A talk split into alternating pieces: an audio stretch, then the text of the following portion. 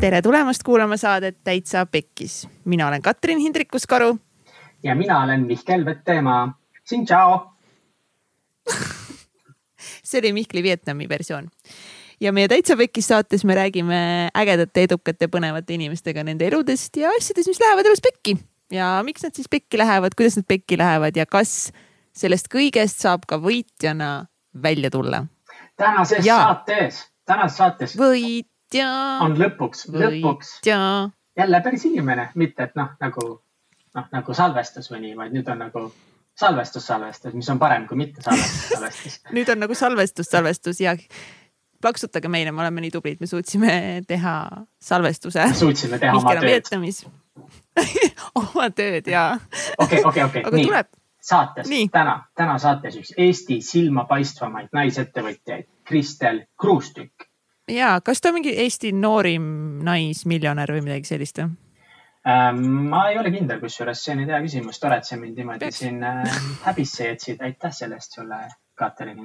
palun võta heaks, võta heaks, võta heaks. Kristel Kruustükk tuleb välja, siis on ka Eesti üks äh, rikkamaid äh, noorimaid naisi, kes on miljonäriks ennast ehitanud, väga kõva. ja seda kõike ta on teinud siis läbi sellise ettevõtmise nagu Testlio. Testlio on siis äh, ülemaailmselt testijatele suunatud platvorm, kus saavad inimesed siis testimisega raha teenida ja neil on väga suured kliendid, kellele nad seda teenust siis pakuvad ja, ja tes, eh, ta on väga-väga lahke, väga siiras, väga äge, kihvt noor naisterahvas ja kui ta gümnaasiumi lõpetas, siis tal ei olnud päris kindel, mis ta teeb. keegi soovitas talle IT-d ja kuna midagi paremat ei olnud, siis ta läks IT-d õppima.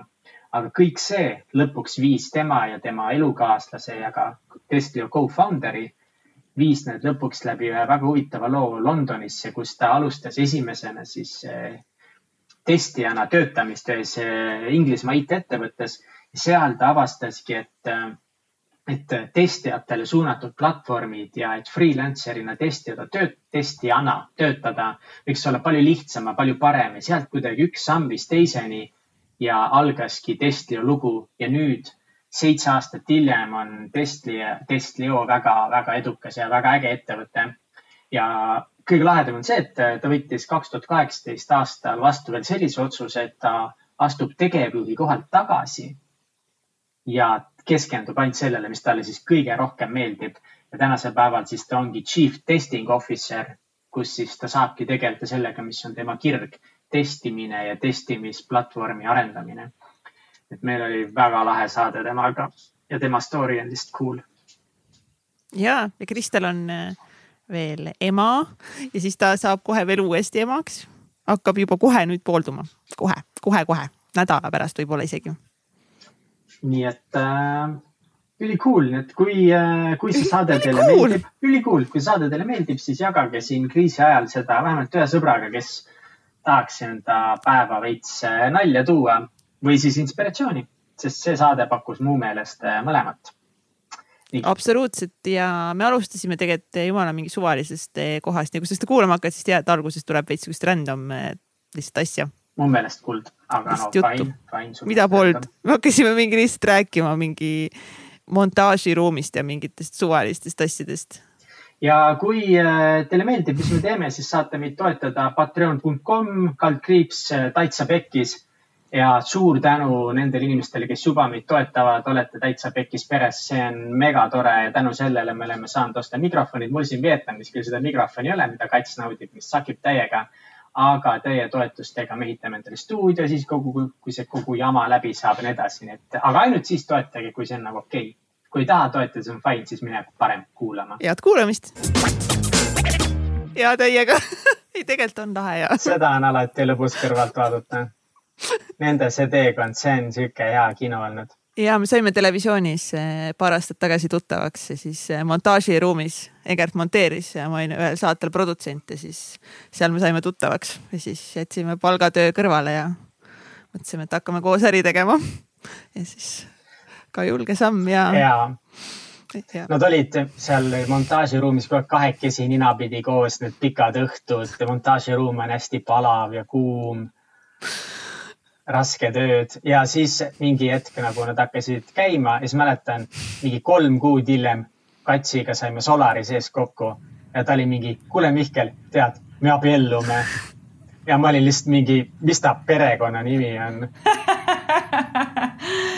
nii äge aga see juhtuski siis nagu niimoodi üleöö, et äh, olite, olite väheke aega tut, tut, tuttavad olnud ja siis. me ei no tuttavad, me olime kauem ikkagist eh, koos eh, töötasime, aga siis, kui me kokku hakkasime, siis jah, siis oli ikka eh,, me olime vist kolm kuud koos, siis, siis me kihlusime. täitsa lõpp. nii äge, täiega lahe. ja täiega. palju õnne. nüüd on äh, jär-, oota, see aasta on siis esimene pulma aastapäev jah? ja, augustis. mega äge ja täiega aitäh, nii tore nii äge. oota ja oota, Mihkel, mis sa siis teed? Eh, mina olen IT-analüütik. IT-analüütik. ei äri, ma ei, ja, väga ärianalüütik, ma ei teagi, Helmeses töötan ja siis meil on see analüütiku Aa. töö on sihuke ka pool projektijuht, pool süsteemianalüütik. ja, jah. Meelis äh, Lang on kindlasti tuttav sulle mm.. Meelis on Muidugi. Äh, naabrimees ja tegime Testlios ka temaga mõnda aega koostööd. ja, ja mul on seal ikka palju inimesi, keda ma tean. väga lahe aga sa saadki nagu no,, sa oled nagu iga aasta siis käinud äh, niimoodi äh, nendega seal või noh, nagu oma elukaaslasega sa oled iga-aastaselt käinud seal, sa oled Vietnamis praegult on ju? oli jah, Vietnam mm. -hmm see oli tegelikult niimoodi, et äh, ma olen terve elu müüki teinud ja mingit äh, ettevõtlust teinud ja võrkturundust ja siukseid asju ja siis mingi hetk ma tahtsin täiega IT-d tegema hakata, see oli mu unistus nagu IT-maastikule saada. ja siis ma läksin sinna Vali IT projekti mingi kaks aastat tagasi. jah, kaks aastat tagasi kevadel ta, mõtlesin, et davai, ma hakkan kas arendajaks või mida iganes ja ma tahan lihtsalt tooteid luua. ma enne seda töötasin Taxify's ärimüügis ja siis seal ma nagu nägin, et see tootearendus on nii äge. Boltis siis täna ja siis ma läksin Vali IT-sse, Vali IT-st ma sattusin Helmesesse ja Helmeses mind võeti tööle analüütikuna, juunior analüütikuna ja see nagu sobis ideaalselt mulle, sest tegelikult ma ei ole väga mingi arendaja. ja see analüütiku töö oli nagu ideaalne, et hästi palju küll oli vaja õppida, et nullist ikkagi IT-maailma minna, mul ei ole mingit IT-haridust ega mitte midagi aga nii-öelda siukses projekti juhtimises, kliendi suhtluses, kõiges selles oli mul päris palju tugevusi ja ma olen üldiselt sihuke kiirõppija ka ja nad olid nõus nii-öelda võtma selle riski minu osas ja siis tuli välja, et ma sain täitsa hästi hakkama selle tööga. nüüd ma olen kaks aastat, äh, saab varsti täis, nii et ma olen ikkagi suht uus selles. ja see oli mingi teine tiimimiiting, kui tiimijuht ütles, et kuule, Mihkel, et me lähme muidu äh, kahe kuu pärast Vietnami, et äh, sobib või? Ja siis ma olin mingi what, ime kaks. kõigepealt oli ime, et ma sinna tööle sain ja siis teine ime oli see, et nad mu kohe Vietnami viisid. täitsa lõpp. nii et nagu, aga seekord sa oled ka nendega koos nagu tegelikult või? väga äge. Äh, ja me tulime jaanuaris, aga kõik teised läksid veebruari lõpus ära. aa, okei okay.. aga väga äge ju nagu tõesti vinge. uskumatu, Mihkel. see on äge seiklus. jaa, täiega äge mis sa tahtsid öelda? Et uskumatu, et Mihklist eh, sai eh, IT-tegelane, kes on lihtsalt eluaeg mingi müüki teinud ja mingi hull suhtleja, siis mingi nüüd ma lähen vali IT-sse, ma olin nagu mingi mida, hakkan analüütikuks, mingi what nagu mingi who are you? Aga näe, vaata, ongi see, et inimestel on see kujutelm IT, IT-inimestest selline, et, et seal istud kuskil omaette nurgas ja nokitsed, et tegelikult see on täiesti vastupidi, onju et mina sain ka sellest väga kiiresti aru, noh, need stereotüübid lõhuti minu jaoks nagu kohe. kuule, ma küsin vahele korra, et Kristel, ega sul juhuslikult ei salvesta juba? salvestab aa, väga hea, väga hea, super. ma mingi aeg arvan, panin lihtsalt salvestama väga hea, väga hea. ei, selles mõttes äh, ma arvan, et Katsil kindlasti salvestab juba ammu. tal on algusest peale juba kõik see juba algusest peale. nii et see läheb, see läheb kõik episood ja see on niisugune väike tore üllatus nüüd kuulajatele. ja kõigile et, kuulajatele ja kõik kuulajad saavad teada, mis te tegelikult, mis te tegelikult teete. ja, ja muidu nad ei tea üldse, kogu aeg ainult siin eh, külalised saavad tähesäras olla. jah, täpselt. on aeg, et keegi teist ka räägiks nagu kuigi tegelikult te olete, te ei ole veel mõelnud teha nagu seda Täitsa Pekkis saatele eh, episoodi, kus eh, me räägime nendest asjadest, mida, mis teie olete pekki ajanud? me oleme natuke teinud ka, aga me võime teha nüüd siukse episoodi, kus eh, Kristel küsitleb meid, sest see tundub juba lihtsalt nii fun. et teeme selle minu episoodi või mõnel muul ajal ära, et ei Nice. aga ma. su eepiline lugu. see, ei, suva aga igatahes tere tulemast saatesse, Kristel. tere tere, tere. ja mina, ma kohe jätkan sellesama teema pealt, mis enne pooleli läks, kui ma läksin IT-sse tööle, siis ma olin ikka suht üllatunud, et tegelikult arendajad ei ole üldse sellised, nagu ma ette kujutasin. ma arvasin, et Helmese kontor näeb nii teistsugune välja inimeste näol. kuigi ma nagu Taxify's juba sain maista seda, et äh, arendajad võivad olla kõik kahekümne ühe aastased sõgedad, mingid bioloomad kõige paremas mõttes.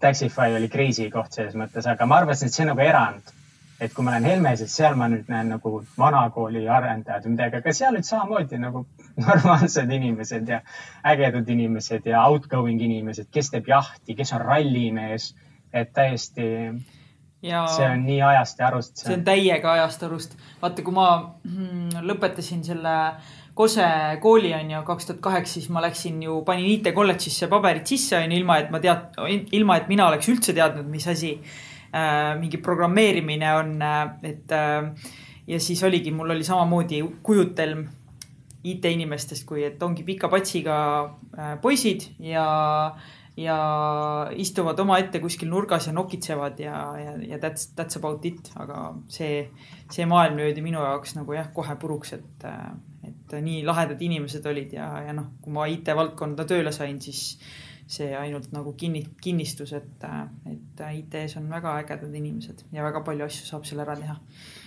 sul ongi. aga sul alguses äh, ei olnud nagu üldse mingit õrna aimu, et sa nagu IT-sse satud, kui sa mõtled selle äh,, selle Kristeli peale, kes oli gümnaasiumis kas ta teadis, et ta läheb IT-sse ja hakkab IT-ettevõtjaks? absoluut, ei, ei absoluutselt mitte.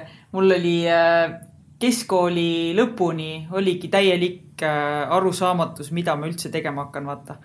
see natuke äh, hirmutas ka mind, sest et äh, minu klassikaaslastel hästi paljudel oli vaata selge siht juba mingi üheksanda klassi lõpust, et ma tahan saada äh, arstiks või ma tahan saada minna, minna õppima biotehnoloogiat või geenitehnoloogiat või äh,, või ma tahan saada politseinikuks on ju, et kõigil olid mingid selged sihid ees, et mul oli täiesti selline teadmatus ja ma olin vaata hästi selline niisugune väga keskmine õpilane, ütleme nii on ju, et et mul ei olnud äh, hinded, õpitulemused ei olnud äh, mingid astronoomiliselt äh, sellised head. Pigem oli Maita oli üks minu kõige keerulisemaid pähkleid, mida pureda seal terve keskkooli aja, et, et ma olin jah, nagu keskkooli lõpuks ma olin täitsa sellises kohas, et ma ei teadnud, mis ma teha tahan. ja noh, siis sul ongi nagu kaheksateist aastat, sa oled kaheksateist, üheksateist aastane, lõpetad keskkooli ära, onju ja siis sul on nagu maailm valla, on ju, et sa lähed, kas ma ei tea, meil, mul näiteks paar sõbrannat läksid Austraaliasse äh,. Mõned võtsid, otsustasid lihtsalt aasta vabaks võtta ja siis, ja siis äh,, ja siis kolmandad läksid, on ju, otse kooli edasi. ja mul kuidagi oli nagu see äh, hästi kinnitunud tegelikult, et ma nagu, ma kuidagi tundsin, et ma tahan vaata selle koolitee nagu edasi käia, on ju, et, et kui ma juba olen kooli läinud, siis ma teen selle nagu täitsa lõpuni välja, on ju, et, et see äh, oli jälle minu, minu arust nagu natuke hirmutav, et äkki võtan aasta vabaks, siis ma ei lähegi enam nagu kooli ja ma ei saagi kõrgharidust, et kõrgharidus minu jaoks sellel hetkel ikkagi tundus nagu nii, nii oluline, on ju. ja siis õnneks oli mul lihtsalt suur õde suur õde, kes äh, oli juba päris palju välismaal elanud ja, ja elas sellel ajal Inglismaal, kutsus mind Inglismaale ja, ja siis äh, töötasin suvel kaks tuhat kaheksa aastal siis äh, ettekandjana ja, ja jumala lahe oli, sai kõvasti tööd tehtud, pidu pandud ja siis sellel ajal nagu ma saingi tuttavaks hästi paljude IT-inimestega läbi oma õe. ja, ja siis kõik ütlesid mulle, et kuule, et kui sa tead, mis sa teha tahad, mine õpi lihtsalt IT-d ja, ja, ja sa leiad raudselt endale mingisuguse eriala äh, või mingi professio-, professiooni prof,, profession, issand, mis see eestikeelne sõna on? professiooni vist. ei ole, ei tundu õige, on või? peaks olema küll. professioon oh,. amet. tegelikult meil on eesti keeles täiesti normaalne sõna olemas nagu amet. amet on ja palju parem, appi kui õudne. ühesõnaga see, et leiad nagu kindlasti mingi toreda ameti ja siis äh, ja siis oligi nii, et mulle see mõte nagu iseenesest meeldis, kuigi jah, ma ei teadnud äh, IT-st mitte midagi. mul oligi kogu see arusaam oli see, et, äh, et ma oskan nagu mingi Wordi ja Excelit ja, ja aga mind kunagi ei huvitanud see, et, et mis töö käib selle taga, et ma saaks mängida arvutimänge või kasutada brauserit, on ju, et nagu absoluutselt null, nagu zero ja, ja siis, aga kuna mul oli õnneks tehtud matemaatika riigieksam, siis äh, IT kolledž sellel ajal võttis siis matemaatika riigieksamiga inimesi äh, sisse äh,. seal niimoodi, et ei pidanud mingeid sisseastumiskatseid tegema ja siis ma sain sisse. aga no see matemaatika riigieksam oli ikka korralik äh, noh, nagu ma ütlesin juba, et äh, minu jaoks oli mata väga raske äh,. mul oli keskkoolis tõesti see vahepeal niimoodi, et ühe ja kahe vahepeal nagu hindeliselt ühe ja kahe vahepeal uh,. sest et eh, sest oh, ma olin nagu, oo ja, ja noh, see oli sihuke täitsa. aga kuidas IT õppimine nagu läks, selles mõttes, et eh, sa läksid sinna IT kolledžisse, hakkasid IT-d õppima. väga paljud kujutavad ette, et IT õppimine on mega keeruline asi. ja kuidas sina sellega hakkama said, mis väljakutsed sulle kohe seal vastu tulid või sa avastasid päris kiiresti, et sulle meeldib see ja sa tunned ennast mugavalt seal? Ei, seda teist varianti kindlasti ei olnud, et ma oleks ennast hästi kiiresti, hästi mugavalt tundnud ja tundnud, et oh, nagu that's it, on ju. ma arvan, et äh, minu jaoks oli pigem see, et äh,, et kui ma vaatan midagi ette võtan elus, siis ma pean sellega lõpule viima, on ju. ja ma, ja minu jaoks oli see selge ka juba, et äh,, et kui sa vaata noh, nagu millegi uue, uuega asjaga alustad tavaliselt, siis äh, siis äh, see ei pruugigi sulle meeldida aga see ja see võib olla väga raske, aga sa ei tohi alla anda, vaata, et äh, alguses ongi asjad rasked ja, ja lihtsalt tuleb nagu läbi pureda ja, ja siis lõpuks läheb kõik kergeks, onju. ma ei tea, kustkohast see mulle tuli, äh, selline mõtteviis, aga niimoodi oli IT kolledžis samamoodi, et algus oli väga-väga raske selles mõttes, et Java programmis algkursus, algkursus oli nagu minu jaoks täiesti kosmos ja, aga õnneks oli mul hästi palju toredaid äh, kursakaaslaseid, kes, äh, kes mind hästi palju nagu toetasid ja järelt aitasid ja, ja, ja noh, seal oligi huvitav see, et väga paljud inimesed, minu kursakaaslased olid juba mingi neli aastat progenud selleks ajaks, kui nad IT kolledžisse tulid, on ju, nii et, et see tase, kus sa juba alustasid IT kolledžis, oli noh, nagu palju kõrgemal, on ju, et ma pidin palju, palju vaeva nägema. ja jah ja siis lõpuks hakkas meeldima, vaata, nii et äh,. see in, inimene, inimene harjub kõigega, vaata. harjub kõigega ja täpselt noh, et äh, tuleb seda valu tunda, noh, et muidu ei, ei saa, noh, ei saa elus asju, mis sa tahad, noh. et ma olen sellega, ma olen täiega selle poolt, et, äh, et ei tohi, et sa pead nagu piisavalt asjadele aega andma, et mul on äh, noh, jumala hea näide mida ma ka väga palju olen inimestega jaganud, on see, et äh, minu ema oli äh, noh, ma olin pigem nagu ikkagi sihuke karmi kasvatusega onju, et ei olnud nii, et kuskil oled neljateistaastane ja hulgud äh, õues mingi kella kolmeni öösel onju. pigem oli see, et oledki kell üheksa kodus ja koolitööd on tehtud ja kõik oli nagu noh, ikka elu oli nagu struktureeritud ja pidin igas trennides käima ja ja ma õppisin klaverit, onju, ja ma käisin muusikakoolis siis seitse aastat ja kolm kolmanda-neljanda aasta peal oli see, kus äh, mul hästi paljud sõbrad hakkasid muusikakoolist ära kukkuma, sest lihtsalt tuli nagu sihuke tuju peale, et oo, ma enam ei viitsi, onju. klaver on nõme, viiul on nõme, flööt on nõme, ma ei taha, onju. ja siis äh, ma, mul oli klaveriga samamoodi, ma ütlesin emale, et ma ei taha käia enam. ja, ja ta ütles mulle, et no, no way onju, et sa oled alustanud sellega ja sa viid selle lõpule. ja mul oli vist mingi pool aastat äkki sihuke periood, kus ma ei tahtnud üldse klaverit mängida, aga mu ema oli niimoodi, et äh, istuski minuga iga õhtu klaveri taga, mängisime koos äh, või noh, ta jälgis niimoodi, et ma õpiksin ja mängiksin ja, ja siis mul läks see periood üle ja ma olen nagu jumala tänulik. et võib-olla kogu see IT kolledži nagu mitte lõpetab või noh, nagu see mõte, et ma ei lõpeta IT kolledžit, sest et nii raske on et ma arvan, võib-olla äkki see tuligi sellest muusikakooli loost ka natukene vaata, et, et ma teadsin. et sa ütleksid, et, et sinu nagu nende distsipliini võib-olla elus või sihukest nagu vastupidavust raskete asjadega on kindlasti lapsepõlv kaasa aidanud. et mul, enne kui ma lasen sul vastata, ma võin nagu ise öelda, et mul vastupidiselt sellele mingi hetk äh, kuidagi ma ka ei viitsinud põhikoolis näiteks üldse õppida ja, ja kogu aeg oli normaalne, et ema-isa kontrollisid kodutööd aga mingi hetk nad enam nagu ei kontrollinud kuidagi, et ma sain nagu nende meelest piisavalt suureks, et ma peaksin ise vastutama asjade eest ja, ja kuidagi,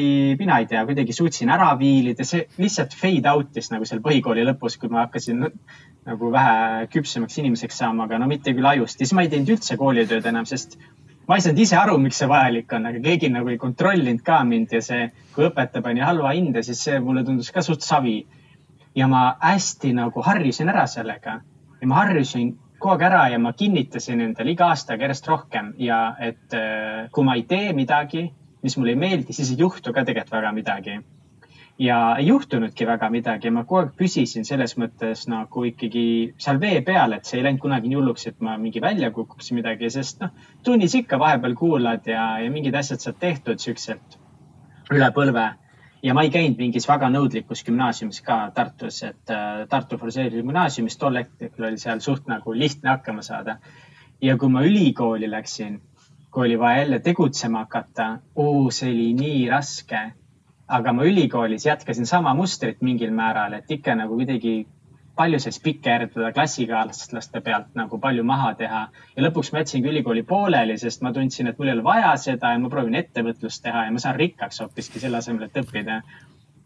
ja nüüd nagu tänasel päeval äh, ma saan kolmkümmend ja mu kõige suuremaid väljakutseid on arendada distsipliini ja püsivuse nagu võimekust. Üli, üliraske Vau, see lugu on väga-väga lahe, et äh,. ei ole lahe, jumala raske. ei, ma saan aru, et sul on raske, et äh, aga noh, see ongi, sa saad, aga minu arust kuidas, kuidas sa nagu mõtlema peaks, ongi see, et sa, sa võid iga hetk ennast uuesti kätte võtta ja, ja tegelikult sa oled jumala palju jõudnud, mõtle, tegid vali IT-programmi läbi ja mingi hakkasid IT-analüütikuks äh, nagu tulid müügist IT-analüütikuks on ju, et, et väga nagu, nagu tore lugu, ma arvan, et inimesed tihtipeale on rohkem palju enesekriitilisemad ka, et oh, minu, kui mina sinu lugu kuulasin, siis mul oli nii, et vau, jumala äge, vaata, et nii äge background, et et äh, sul tundub ikkagi olevat seda distsipliini ka päris palju nagu, et äh,, et äh, iga inimene ei, ei, ei tee seda elu muutvat otsust, et kuule, et ma davai, et äh, ei, jätan selle mingi müügitöö sinna ja lähen IT-sse hoopis on ju, et äh, see on väga julge. ma arvan, et sa ajad siinkohal kaks asja segamini, sa ajad segamini julguse ja distsipliini. Need on väga erinevad asjad Äh, mul on alati julgust olnud teha riskantseid otsuseid, seda mul on nagu olnud ja, ja, ja seda ma olen võib-olla ka nagu mõttetööga arendanud aeg-ajalt ja sellega tegelenud ka mingil määral. aga see on täiesti teine asi on nagu siis ütlesid ka, et follow through, alustamine, otsuse tegemine, et ma lähen vali-IT-sse on väga lihtne ja. otsus, et äh, minu jaoks oli väga lihtne otsus, et ma hakkan IT-st, IT-d äh, nagu tegema IT-maastikus, see oli äge. aga endaga töötamine, et ma selle lõpule viiksin see on hoopis teine asi. aga sa viisid lõpuni selle ju, vali IT-programmi, nii et. ja, ja veel Helmeses no, vastu pidanud kui... nii kaua, nagu see on ikka jõhker distsipliin. okei okay,, no Helmeses töötades nüüd ma olen tõesti, ma olen sellega nõus, et nüüd lõpuks ma olen nagu distsipliini otsa kätte saanud, aga Helmesse saamine oli ka tegelikult, ma ei oleks arendajaks elu sees sinna saanud mul lihtsalt joppas, et see oli analüütikut vaja ja mu eelnevad elukogemused aitasid analüütiku tööle päris palju kaasa ja ma nagu rääkisin ära nad seal ka veits. tegid oma müügitööd tegin müügitööd ja nagu ja ei, eks, eks ma nagu nägin tõesti vaeva ka nende testtöödega. aga no ongi, et ega ma seda arendamise nagu otsa väga ikka kätte ei saanud seal valitees. ja, jah, okei okay., aga noh ongi, nüüd sa leidsid oma kutsumuse ja sulle meeldib see, mis sa teed ja that, that's, that's it on ju. Mihkel mul..., kas sa nüüd leidsid oma kutsumuse või? kas see on nüüd sinu kutsumus, me räägime sellest natuke, Mihkel või? Helmes on sinu nüüd kutsumus. Äh, võtame arvesse ka selle, et, et Mihkel on vahepeal äh, teinud ühte startup'i, mis, äh, mis läks pekki suht ruttu ja siis ta tahab teha veel ühte startup'i, et tegelikult see ei ole tema kutsumus olla Helmeses tööl, on ju, Mihkel? See on, Kats praegu suunab mind sellepärast, et ma nagu mingi lihtsalt voolan, valan oma aega täiega Helmesesse ja siis Kats on mingi, et ei, mingi, et Helmes ei ole elu tuletab mulle meelde seda kogu aeg. IT on kindlasti mu kutsumus, et äh, aga Helmes on, ma olen ülirahul selle kohaga praegu ja ma olen tõesti haigelt üllatunud, kui äge ärisuund ja äge firma see on et ideaalne koht pole praegu, aga kes teab, mis homme saab. Ma tahtsin Kristeri käest küsida, et kas sa siiamaani mängid klaverit? jaa, mängin. et äh, kodus on täitsa klaver olemas äh,. Õnneks äh, et ma ei teagi, vaata siis, kui ma oma elukaaslase Markoga äh, kokku kolisin, siis äh, temal oli õnneks klaver olemas äh,. ja see klaver on nagu siiamaani meiega, on ju, et, äh, et võib-olla kui temal ei oleks klaverit olnud, et ma ei tea, kas ma siis oleks ka nagu edasi mänginud, on ju, või oleks leidnud neid viise, kuidas mängida. Aga kuna mu jah, nagu abikaasal on klaver olemas, siis ma jätkuvalt mängin ja nüüd on meil vaata kaheaastane poeg ja temal on ka nii lahe mängida vahepeal sepapoisid ja asjad kõik oh, tulevad. jumala lahe, siis on järgmine kord teada, et kui meil on vaja esinejat kedagi kuskile meelelahutusprogrammi. oot, oot, oot, oot, nüüd. siis rahvast esimest korda esitleme lihtsalt eh, Kristel Kruust klaveril esitab. klaveril esitab sepapoisid või mutionu pidu Thanks. aga see on salvestatud, see on nagu, see on out there, seda sa enam ei saa tagasi võtta. oi jah tuleb ära teha. ei, aga ma arvan, et äh, ma arvan, et kui keegi teeks mulle pakkumise ja ütleks, et davai, et sa pead kuskil mängima, siis äh, ma olen äh, nüüd aru saanud, et ma iga kord, kui keegi teeb mulle mingi hullumeelse pakkumise, siis ma olen need tavaliselt vastu võtnud. et äh, noh, ma ei tea, kõige viimane, mis mul meelde tuleb, on see, et äh, Jolos organiseeris seda EAS-i ettevõtjate galat äh, eelmise aasta lõpus, on ju ja nad tegid mulle pakkumise minna õhtujuhiks Sergo Varesega nagu noh, sa lähed esiteks mingi Eesti top ettevõtjate ette, siis sul on nagu veel live äh, ülekanne on ju, äh, kõik see telepublik ja, ja siis ma ütlesin sellele jah, sest see mõte oli nii lahe, aga siis kui see päev kätte tuli, siis mul oli nii, et oh my god, mida ma nagu tegin endaga, onju. aga, aga lõpuks see elamus oli nii äge ja ma olin hullult kartsin, onju ja see oli hirmutav, aga, aga ma sain jumala positiivset tagasisidet, nii et äh, tuleb ja elus tuleb julgeda asju teha ja, ja ette võtta ja ja. no väga noh. super, aga siis siit äh, minul kohe siis äh, üleskutse Kristelile, et me korraldame sellist üritust äh, nagu Täitsa Pekkis live show, me oleme ühe korra seda teinud vaba, vaba laval kakssada inimest tõime kokku ja panime hullu nüüd kaks tuhat kakskümmend jääb see ära ja ka kaks tuhat kakskümmend üks tuleb Täitsa Pekkis live show kaks punkt null. et siis Kristel, et kas sa oleksid nõus võtma väljakutse ja tulema tegema siis väikse siukse klaverimängu meile kõigile seal. Oh my god, no davai, davai, teeme ära. Uh, Jesus Christ, what have you done? super. Super. ja uh. ei, teeme ära, sel, ei, ma saan hakkama, ma saan hakkama, mul, ma võin karta küll, aga, aga ma saan alati hakkama. ülilahe, võime piletid kohe müüki panna. võid kohe, ja, ja täpselt, siis, siis toimub kohene läbimüük, kohene parem oleks, kohest läbimüüki oleks meil vaja, nagu seda kohest läbimüüki eelmine kord nagu väga hästi ei juhtunud, et, et selles mõttes nagu super, aga nüüd juhtub kindlasti. aga ma tahaks sellist julgetest otsustest rääkides minna sinu elus veidi tagasi, et pärast ülikooli äh, sa otsustasid koos Markoga minna laia maailmasse. jess. miks te selle otsuse tegite, kuhu te plaanisite minna? Selline otsus oli, et äh, kuna me oleme mõlemad, olime mõlemad sellel ajal juba väga tegutsevad IT-maailmas, siis äh, nagu IT-maailmastele, IT-maailma inimestel ikka äh, õige koht on, tundus õige koht olevat, oli Silicon Valley või San Francisco siis. ja, ja siis me võtsimegi otsuse vastu, et, davai, kolime Eestist ära meil on äh, noh, Eestis oli vaata kuidagi elu oli hästi paika loksunud, on ju, et kõik oli, kodu oli olemas, auto, korter, äh, rutiin on ju. et noh, nii no.... oodata, teil olid siis nagu head IT-töökohad, korter, auto, kõlab päris hästi ju. jah, no mitte enda omad on ju, et ikka liisid ja üürid on ju, aga, aga lihtsalt see noh, kõik oli elus olemas, on ju, nagu mida hing vähegi ihaldas ja, ja siis äh, tekkis lihtsalt sihuke moment, et issand, me oleme nii noored veel on ju, et, äh, et peaks nagu midagi, midagi muutvat oma eluga ette võtma. ja siis äh, noh, oligi San Francisco tundus nagu sihuke mõnus paik, kuhu minna ja mõtlesimegi, läksime täiesti plaanitult tegelikult sinna, et mõtlesime, et ühel hetkel, et lähme sinna, otsime korteri, on ju, vaatame töö ja, ja noh, siis sealt saame nagu edasi minna ja siis äh, tegimegi Eestis mingi suure peo. andsime kõik oma asjad ära, müüsime ära ja pakkisime oma elu siis nelja kohvrisse. Läksime siis San Franciscosse, see oli vist oktoober mingi kaks tuhat üksteist või. ja, ja siis juhtus sihuke värk, et meile see San Francisco üldse ei meeldinud.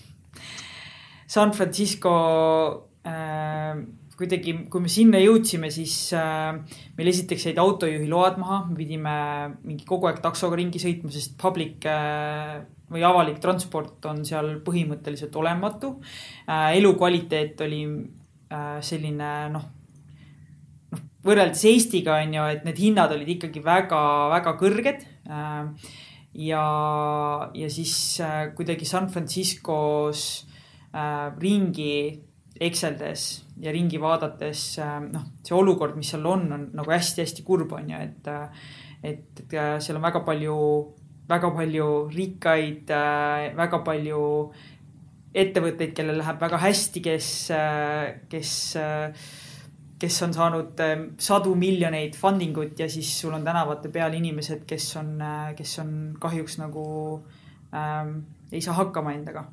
Ja, ja kuidagi kogu see krempel seal kokku meie jaoks tekitas sellise nagu vibe'i, et me, me me ei taha siin olla. ja ma mäletan, et meil oli reaalselt isegi korteri deposiit sai makstud ja meil isegi õnnestus see viimasel hetkel tagasi saada, sest ühel hetkel lihtsalt kaks nädalat olime San Franciscos olnud ja me saime aru, et, et see koht ei ole meie jaoks nagu, nagu mitte mingit vibe'i ei olnud, onju. Ja siis meil oli nii, et, äh, et põhimõtteliselt meil ei ole, onju, kiiret, onju, me läksime sinna sellise otsusega, et, et me vaatame, mis saab.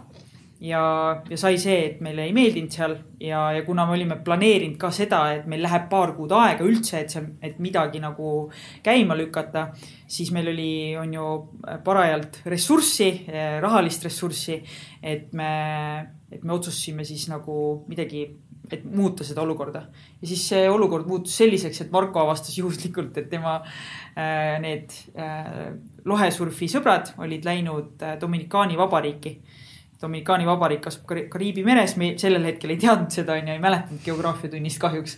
ja siis äh, lendasime nagu niimoodi, et õhtul ostsime piletid ja järgmisel hommikul lendasime Dominikaani, järgmised kaks kuud olime lihtsalt Dominikaanis ja siis saime aru, et. põhimõtteliselt nagu see San Francisco nagu unistus lendas äh, kergelt siis ikkagi lakkes. ma mõtlen, et äh, kuna ma ise olen IT-valdkonnas ja ma olen enne, enne seda IT-ettevõtet pikalt jälginud, et ma samamoodi ma tean, et, et see on nagu see IT-meka ja, ja, ja, ja see tundub nii seksikas ja nii lahe koht, kus olla, lähed sinna, paned startup'i püsti, oled firma juhtidega koos, mingid uhked tänavad, Silicon Valley, et tundub kõik nagu nii lahe Aga, oligi, jalutasime nagu..., vaata seal nagu käisime ja. mingi HP peakontori juures, Apple'i peakontori juures on ju, Google'i peakontori juures, Facebookid, et sul on lihtsalt nii nagu sa tunned seda, seda särinat seal on ju, sa tunned küll seda, aga lihtsalt äh, meie jaoks see tundus kuidagi nii nagu, ma ei tea, kas äh, noh, ma ei tahaks öelda keeruline, aga kuidagi kõik tundus lihtsalt võib-olla jah, oligi äkki liiga raske kõik seal alguses.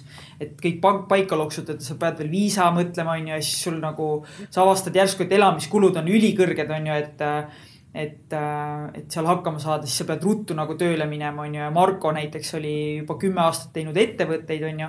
ta oli küll selleks ajaks kõik oma ettevõtmised ära lõpetanud, et alustada nagu puhtalt lehelt aga jah, siis ta sai aru, et aa, tema peab vaata tööle minema, ta polnud põhimõtteliselt kunagi nagu kuskil töötanud, on ju, välja arvatud mingi, kui ta oli kakskümmend ja töötas äh, mingi aasta aega äh, ühe ettevõtte jaoks on ju, aga muidu ta oli alati ettevõtja olnud, et siis tekkisid siuksed asjad nagu, et saime aru, et, et võib-olla see ei olegi praegu meie koht. ja siis vaata elus aga tuleb oli... lainetega kaasa minna nagu.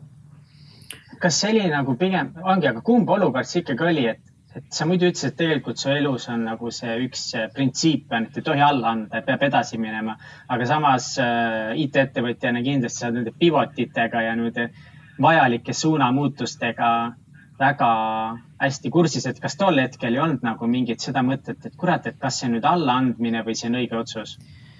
Sellel hetkel ei olnud üldse seda tunnet, et me, et see on mingi allaandmine, pigem oli see, et äh, vaata, kuna see Dominikaani äh, vabariigi äh, võimalus, sinna reisimise võimalus tekkis nagu kohe ja meil oli kohe seal olemas, on ju nagu elamispind, on ju, me teadsime, et meil on nagu mitmeks kuuks on ju ressurssi, me saame seal olla, siis see tundus lihtsalt sihuke asi, et davai, et, et võtamegi vaata aja maha, et võib-olla me oleks pidanud üldse sinna San Franciscosse selle plaaniga minema. et kõigepealt me kaks kuud umbes puhkame USA-s ja siis me hakkame vaatama, mida me tege-, tegema hakkame, onju.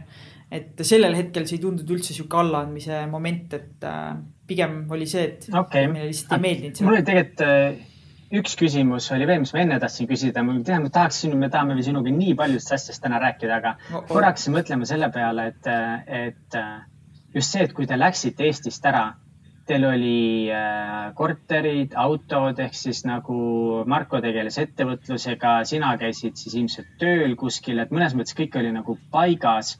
ja kas te ei kartnud kuidagi nagu kaotada seda, mis teil oli, et nagu alustada kuidagi nullist uuesti, see ei tundunud hirmus või et see? ma olen väga palju elus nullist alustanud ja mul on küll nagu kopp ees. Teile ei tundunud? ei vaata, mina olin nii noor ka, onju, ma olin mingi kakskümmend üks või, kakskümmend kaks, kui see otsus sai tehtud, onju ähm, ja ma noh, ma ei tea, kuidagi sa vaata usud, et sa saad hakkama ja, ja Marko, Marko on minust äh, kuus pool aastat, ei, seitse aastat peaaegu vanem. seitse aastat, issand, pean arvutama, kui vana mu abikaasa on seitse aastat vanem, et tema oli nagu et ma ei tea, mulle kuidagi jah, nagu see hullult meeldis, et tema oli ka nagu läks alati äh, eluga kaasa ja, ja teda ka absoluutselt ei hirmutanud, teda, talle pigem meeldis see mõte, et, et mina tahan minna ja muidugi teeme ära ja et sa saad ka elu kogeda ja mingi ähm,, et jah. aga ma tean, inimestel. et sina pigem julgustaksid noortel nagu siukseid otsuseid teha? absoluutselt, tulebki teha, vaata, et sa, et sa saaksid üldse aru, mis, mis, mis see elu on ja ja, ja mis sind õnnelikuks teeb, vaata, mida rohkem asju sa proovid, seda rohkem asju sa näed, mis sulle meeldib, mis sulle ei meeldi ja, ja sa saad nagu kuidagi leiad endas selle rahu, et ma ei tea, ma arvan, et kui ma oleks võib-olla Eestisse jäänud, mul oleks see sisemine rahu kuidagi ära kadunud, vaata, et, et oleks võib-olla ühel hetkel hakanud äh, kahetsema, et äh, noh, võib-olla oleks nagu lapsed saanud, on ju, oleks kahetsema hakanud, et oi, ma oleks võinud ka noorena ikkagi siin seda vaba maailma võimalust ära kasutada, et jah, ma võin seda iga hetk teha, on ju, aga see lastega on kindlasti nagu palju-palju raskem, on ju. et, äh, et jah, kui sa oled noor, siis võta lihtsalt igast võimalusest kinni ja ma ei tea, nii huvitav, ma nagu ise hullult ka olen mõelnud selle peale, et, et, äh, et kust mul see nagu julgus tuleb, et, äh, tegelikult see ei ole julgus, see on pigem lihtsalt see, et et sa tahad nagu ära proovida, et sa kardad küll täiega. tegelikult igat asja, igat uut asja kard, kardad, onju. aga, aga samas sul ei ole mitte midagi kaotada, onju. on ju mm? -hmm aga kas te, kas te seal Dominikaanis, mis te, kas te niisama puhkasite seal või sa juba mõtlesid ka, et mis edasi saab ja või olid äkki mõtted, et um, siin Dominikaanis on nii hea elu, et äh, äkki jääks siia üldse? Ja ei, see oli, äh, see oli huvitav, et me läksime sinna täiesti ilma plaanita jälle onju, et ei olnud sihukest asja, et oo, me nüüd oleme kaks kuud siin ja mingi chill ime siin nagu ranna peal ja ja, ja vaatame, mis saama hakkab ja võib-olla, et jääme siia. sihukest mõtet ei olnud, et pigem äh, mul oli kuu aja pealt vist või, kuu, me olime vist mingi neli, jah, kuu aega või viis nädalat olime seal olnud ja siis äh, mul viskas, hakkas juba nagu kopp ette tulema sellest äh, mitte midagi tegemisest, sest vaata minu äh, IT-karjäär karjäär oli olnud nii lühike.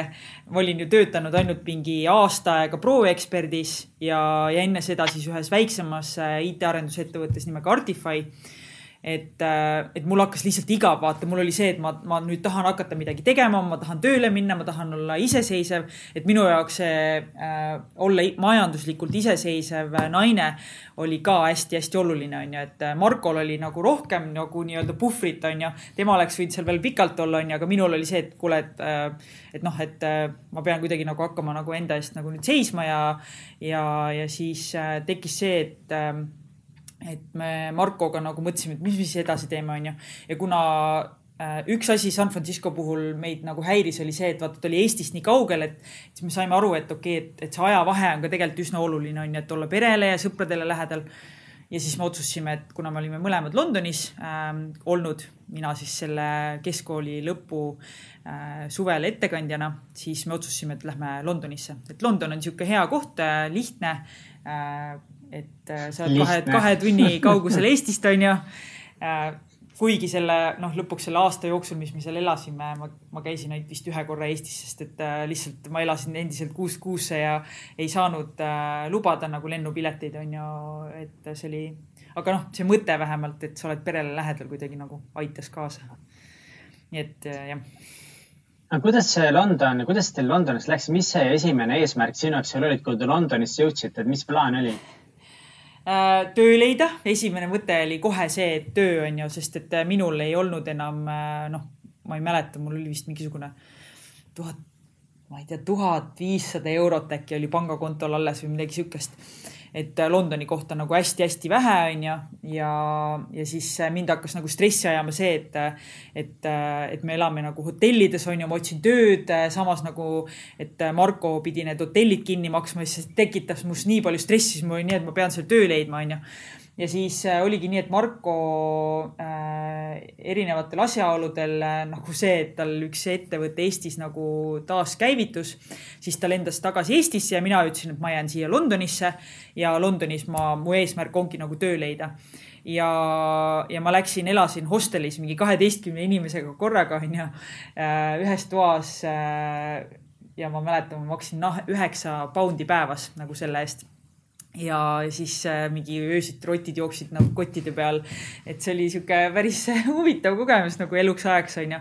ja siis samal ajal ma hakkasin äh, hästi aktiivselt intervjueerima onju ja kogu see äh, värbamiskultuur on hoopis teistsugune onju äh, Londonis, et, et kui Eestis on see pigem, et sa lähed kuidagi rohkem nagu tutvuste kaudu ja, ja tutvud nagu inimestega ja vaatad ringi, siis äh, seal oli see, et sa panid oma CV laadisid üles kuskil online portaali, kus siis äh, mingid kolmandad äh, osapooled äh, siis need värbajad erinevate ettevõtete jaoks hakkasid sinuga ühendust võtma, tegid sinuga telefoniintervjuusid kõigepealt mingi kaks tükki või kolm tükki isegi ja siis sind suunati nagu selle ettevõtte juurde, kes otsis enda, enda tiimi inimest, onju. ja see oli mega raske, sest ma olin esimest korda vaata äh, sellel hetkel siis ikkagi inglisekeelses äh, nagu töökeskkonnas on ju. Ja, ja ma mäletan jah, kuidas ma ikka õhtuti hullult harjutasin nagu seda, et kuidas ma vastan mingitele intervjuu küsimustele, sest et mingis ma hakkasin vaata nagu nägema mingit pattern'it on ju, mis küsimusi küsitakse, kuidas see kõige parem vastus on ja nii edasi. kuidas ma harjutasin või? küsisid sa mult jah, kuidas sa harjutasid? lihtsalt harjutasin, mul oli, äh, vaata, ma kogu aeg tegin märkmeid, on ju, et mis äh, küsimusi inimesed küsisid ja siis äh, iga kord pärast kõne lõppu ma nagu mõtlesin selle küsimuse enda peas läbi, harjutasin läbi, lihtsalt rääkisingi reaalselt endaga, on ju. ja, ja siis äh, mingil hetkel minu arust isegi ma kasutasin oma õe abi, sest mu õde oli ka vaata Londonis äh, äh, töötanud, on ju, selleks hetkeks ta oli Zürichisse kolinud aga jah, et tema ka nagu aitas mind ähm, Äh, sellel hetkel. no kuidas see emotsionaalselt mõjus sulle, et elada, mis sa ütlesid, sa elasid kaheteist inimesega? ja ma olin nendes hostelites, vaata, kus on need äh, mingid kolme või yeah. neljakorruselised äh, pankbeedid. okei okay., ja kuidas see mõjutas sind ja samal ajal sa proovid tööd saada, mis ilmselt nagu välismaalasena võib-olla ei ole nii lihtne IT-maastikul ka. kuidas sa tundsid ennast, kas see oli nagu täiega äge sulle, oli see fun? ei, ei olnud et nii raske oli, et ma ikka noh, Marko vaata, kuna tema pidi Eestisse tagasi tulema, sellepärast et temal üks nagu ettevõte käivitus siin, siis äh, ma tegelikult ma olin ikka hirmul ja ma kartsin ja ma olin nagu hästi stressis ja ma valasin ikka päris palju pisaraid ka sellepärast, et, et nii raske oli.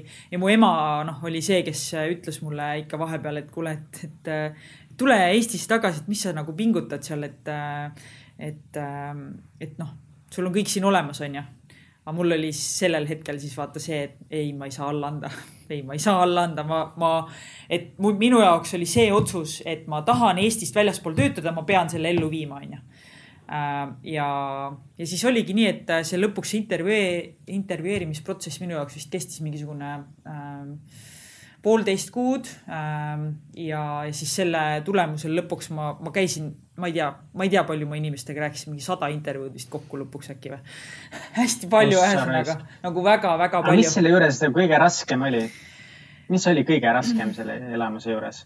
see, et äh, kui sa ei sobi, vaata kui sulle öeldakse, et see, et, et nad ei ole huvitatud või see ettevõte ei ole huvitatud või sul ei ole piisavalt mingeid oskusi või nad otsivad midagi seda või toda või et see ei saa, ei saamine oli nagu päris äh, valus, aga see õpetas, vaata, tegi mind ennast jälle hästi palju tugevamaks, on ju, et, et elus ei saagi olla nii, et kõik kogu aeg äh, kannavad sulle kandikul asju ette ja kõike sa saad, mis sa tahad, vaid, vaid pigem tuleb ikka peksa saada ka, et äh, noh Kel,. kellele sina rohkem nutad või tol hetkel nutsid, kas pigem Markole või pigem emale mm,? ma arvan, Markole ikka rohkem jah. ema võib-olla ei tahtnud nii palju muretsema ka panna, vaata Aa, ja, ja, ja. aga kas oli sina veel nii, et sa, et kui siin mingi circa sada intervjuud tegid ära ja siis sa said nüüd selle vastuse, et okei okay,, sa tegelikult said jah, see oligi nagu kogu selle peale kokku onju, et mõni intervjuu, telefoni intervjuu näiteks oli, oligi selline, et äh, tehti nagu lihtsalt brief onju, et kes sa oled, millega sa tegelenud oled, äh, mis tööd sa otsid, onju. et äh, noh, selliseid asju oli noh, noh lõpuks kogu see pakett kokku oli, ma arvan, seal ma ei tea, oligi saja juures äkki. et, et ei tasu siis kolmanda ei peale nagu pille kotti pakkida? ei tasu jah. E, ja, ja see oli huvitav kogemus. Ja lõpuks ma siis saingi töö, jumal lahe oli, see, see hetk oli ikka äge, kui mul oli äh, need tööpakkumised olid laua peal ja ma pidin reaalselt valima, millise ettevõtte jaoks ma tahan tööle minna. et see oli minu jaoks selline moment, et nagu oh jess, kõik on hästi. Ja, ja siis noh, muidugi järgmine samm sellest oli see, et äh, mul ei olnud veel elamist, on ju, ma elasin ikka seal hostelis, on ju. Äh,. vahepeal pidin hosteleid vahetama. Äh, ja siis äh, siis ma mäletan, et kui ma selle töö sain, siis esimesel päeval ma läksin reaalselt hotelli, mille eest ma maksin. okei okay,, seda ei saanud vist hotelliks nimetada. aga mingi hea diil oli seal äh, booking.com'is vist sellel hetkel ja siis ma sain mingi mhm. viiekümne mm -hmm. poundiga sain endale üheks ööks äh, toa ja siis Marko, sest Marko ütles, et, et ära nüüd nagu mine sinna hostelisse tagasi, palun mine võta endale hotell, puhka välja. sa oled selle ära teeninud, on ju, siis ma mäletan, ma läksin sinna hotelli ja mul oli jumala hea olla, vaata ja siis läksin järgmisel päeval tööle ja siis äh, esimese tööpäeva ma veetsin öösel äh, ol, nagu olles tööl, sest et äh, mul oli järgmine eesmärk see, et ma pean endale elamise leidma, vaata ja ja ma hakkasin nagu kinnisvaraportaale retsilt läbi käima, onju, lihtsalt otsid, otsid, otsid. elamine on hästi nagu kulukas, onju. ja, ja siis äh, mingi oligi äh, hommikul vara umbes kell viis öösel vist viis või kuus hommikul, tähendab varahommikul, siis leidsin selle äh, mingi kuulutuse, mis sai siis lõpuks meie koduks.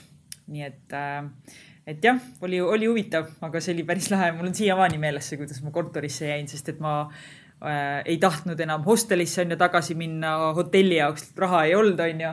et siis äh, oli vaja nagu ruttu see kodu leida ja siis õnneks sellega saime, aga kodu leidmine oli jälle nagu protsessi mõttes hästi keerukas, et äh, et mis pani jälle pea valutama, onju, et sa pead mingi kõik panga mm. seal ja ma ei tea, mõned, äh, mõned kohad küsisid reaalselt kuue kuu mingit äh, üüri ette, onju, mis tegi, ma ei tea, kakskümmend tuhat poundi, onju, et, et mul polnud kuskilt sihukest raha võtta, onju. aga kuidas oli siis seal esimeses töökohas nagu,? kuidas seal tööl siis, kuidas siis oli seal? kas olid seal... siis iga, iga päev happy, said sinna tööle ja nüüd oli nagu elu on tehtud? see, see toimus jah niimoodi, et äh, olin ja hästi happy onju ja jumala äge tiim oli ja kõik, äh, kõik see äh, kõik see industry, millesse ma nagu sattusin, ehk siis ma testisin finantstarkvara äh,. see oli nagu minu jaoks mingi täiesti uus maailm, nii äge. siis äh, noh, mingi, ma ei tea, kuu-kaks vist läks mööda ja siis ma hakkasin äh, niimoodi muutuma natukene jälle äh, selliseks ärevamaks et ma tundsin kuidagi, et ma olen nagu oma tiimis, olen ainuke testija, onju. Äh, mul ei ole kelleltki õppida, et mul on vaja äh, kuskilt seda lisa, äh, noh, lisaks midagi, et, et ma saaksin siin niimoodi hästi jätkata ja et ma saaks oma tiimi ka nagu uhkeks või noh, et, et tiim tunneks ka minu üle uhkust, onju.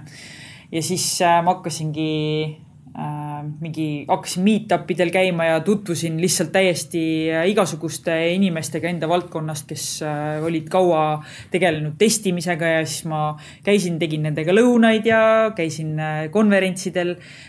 noh, sellistel mingitel tasuta üritustel nii palju, kui ma sain, onju.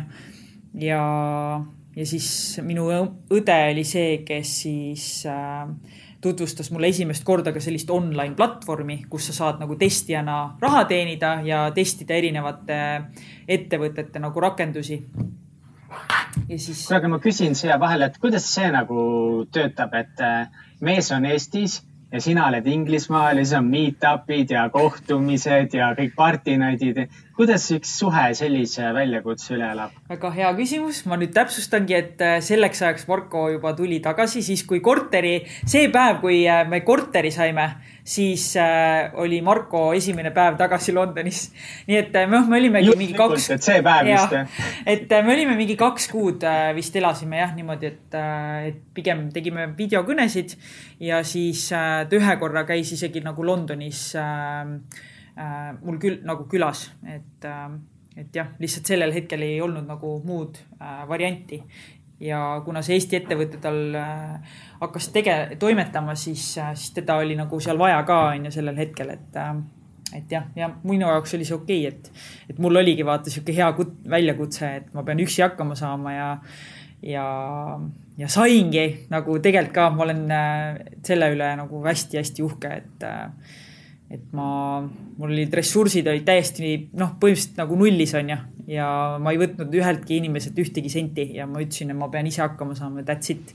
ja saingi, nii et äh, ei tohi alla anda. Damn girl.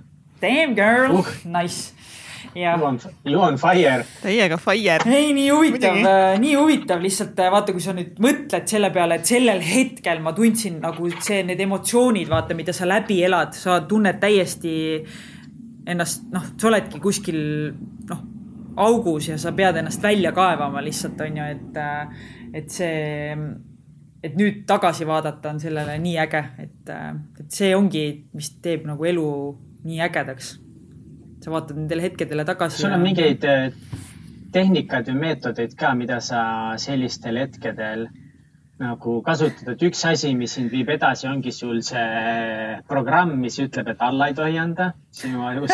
aga on sul mingeid teisi selliseid, kas sa teed mingit self-talk'i, kirjutad sa oma visioone pidevalt paberi peale, õhtul tuletad meelde, et miks sa seda kõike teed või? siin tuleb see distsipliin jälle mängu, on ju, et mõnikord mul on täiega see, et ma tahan kõik asjad kirja panna, ma olen isegi päevikud pidanud äh, ma olen äh, pannud igapäevaselt mingeid oma emotsioone kirja, pannud kirja seda, mis, mida ma sellel päeval tundsin, millega ma tegelesin. ja siis, äh, ja siis see ühel hetkel nagu tropib ära lihtsalt vaata.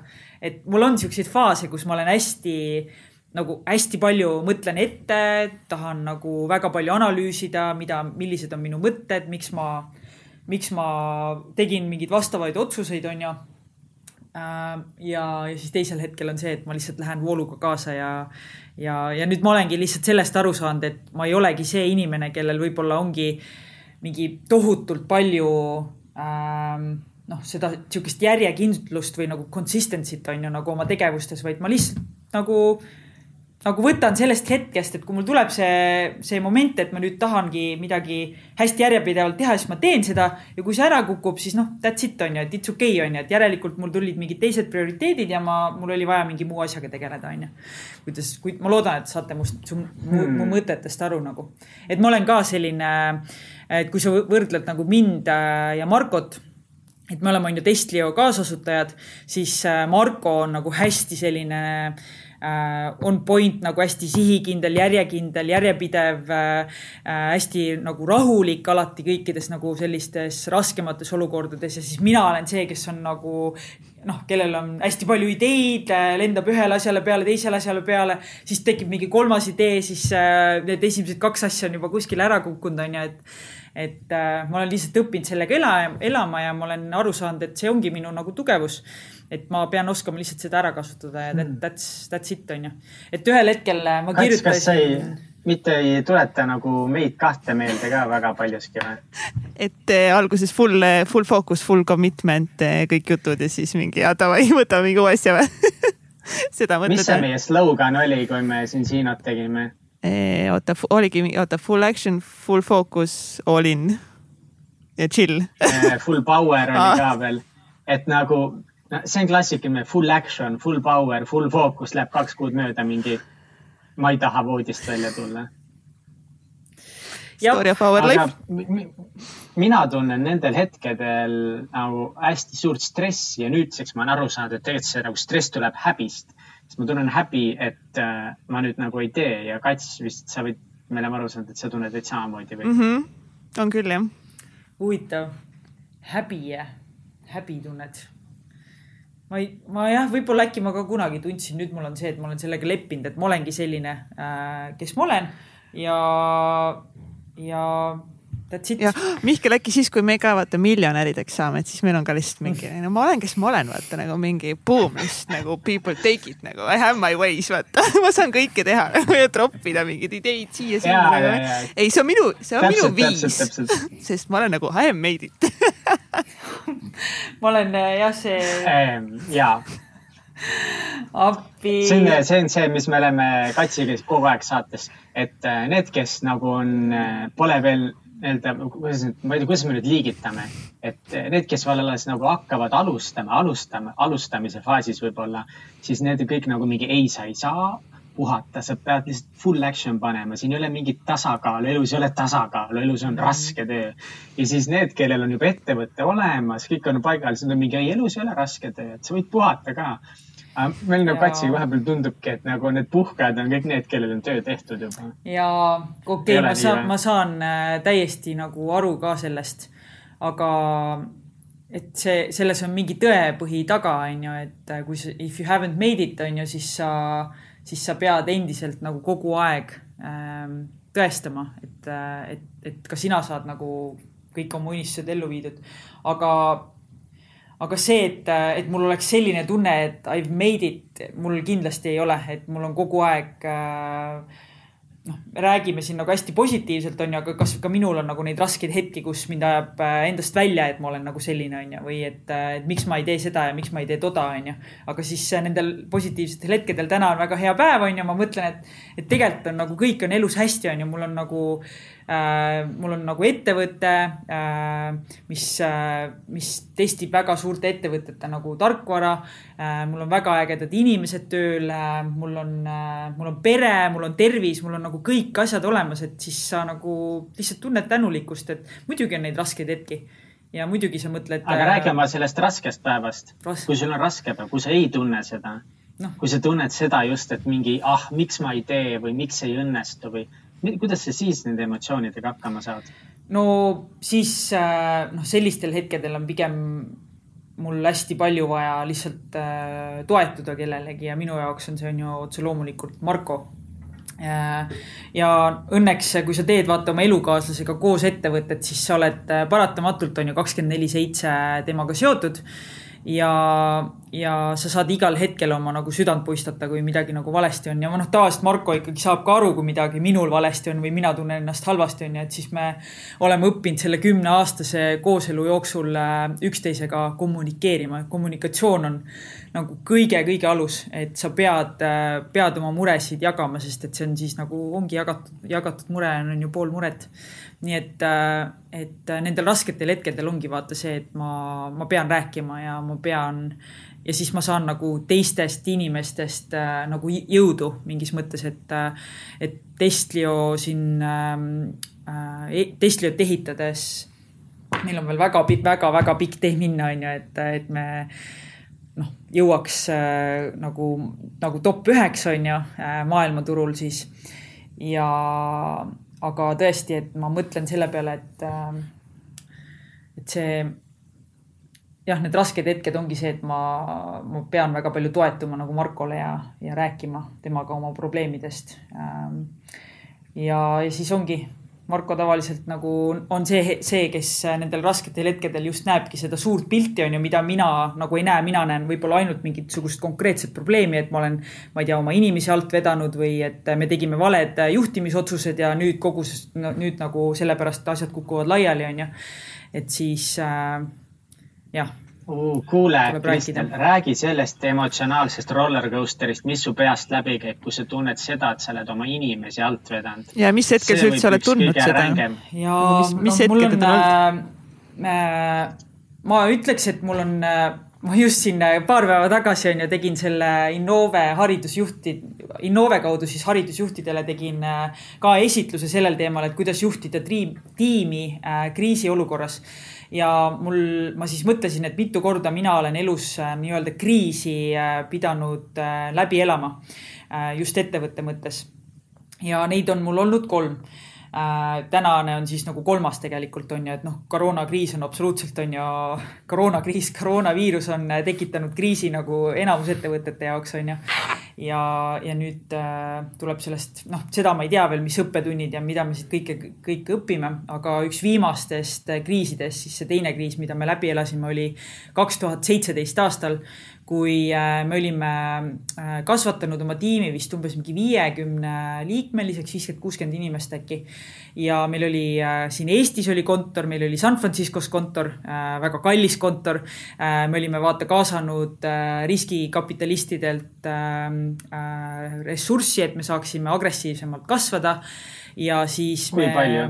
me oleme tänaseks kaasanud kokku seitse koma viis miljonit dollarit ja, ja siis kaks tuhat seitseteist aasta lõpp oli selline, kus me äh, olimegi võtnud endale San Franciscosse kontori äh,, me olime palganud endale turundustiimi äh,. esialgu oli eesmärk see, et võtame turundusjuhi ja siis turundusjuht hakkab oma ümber nagu tiimi äh, kasvatama, et, et, et see tundus nagu selline äh, startup ilik äh, approach on ju, et oh, et davai, et võtame juhi ja siis tema hakkab kohe nagu inimesi palkama.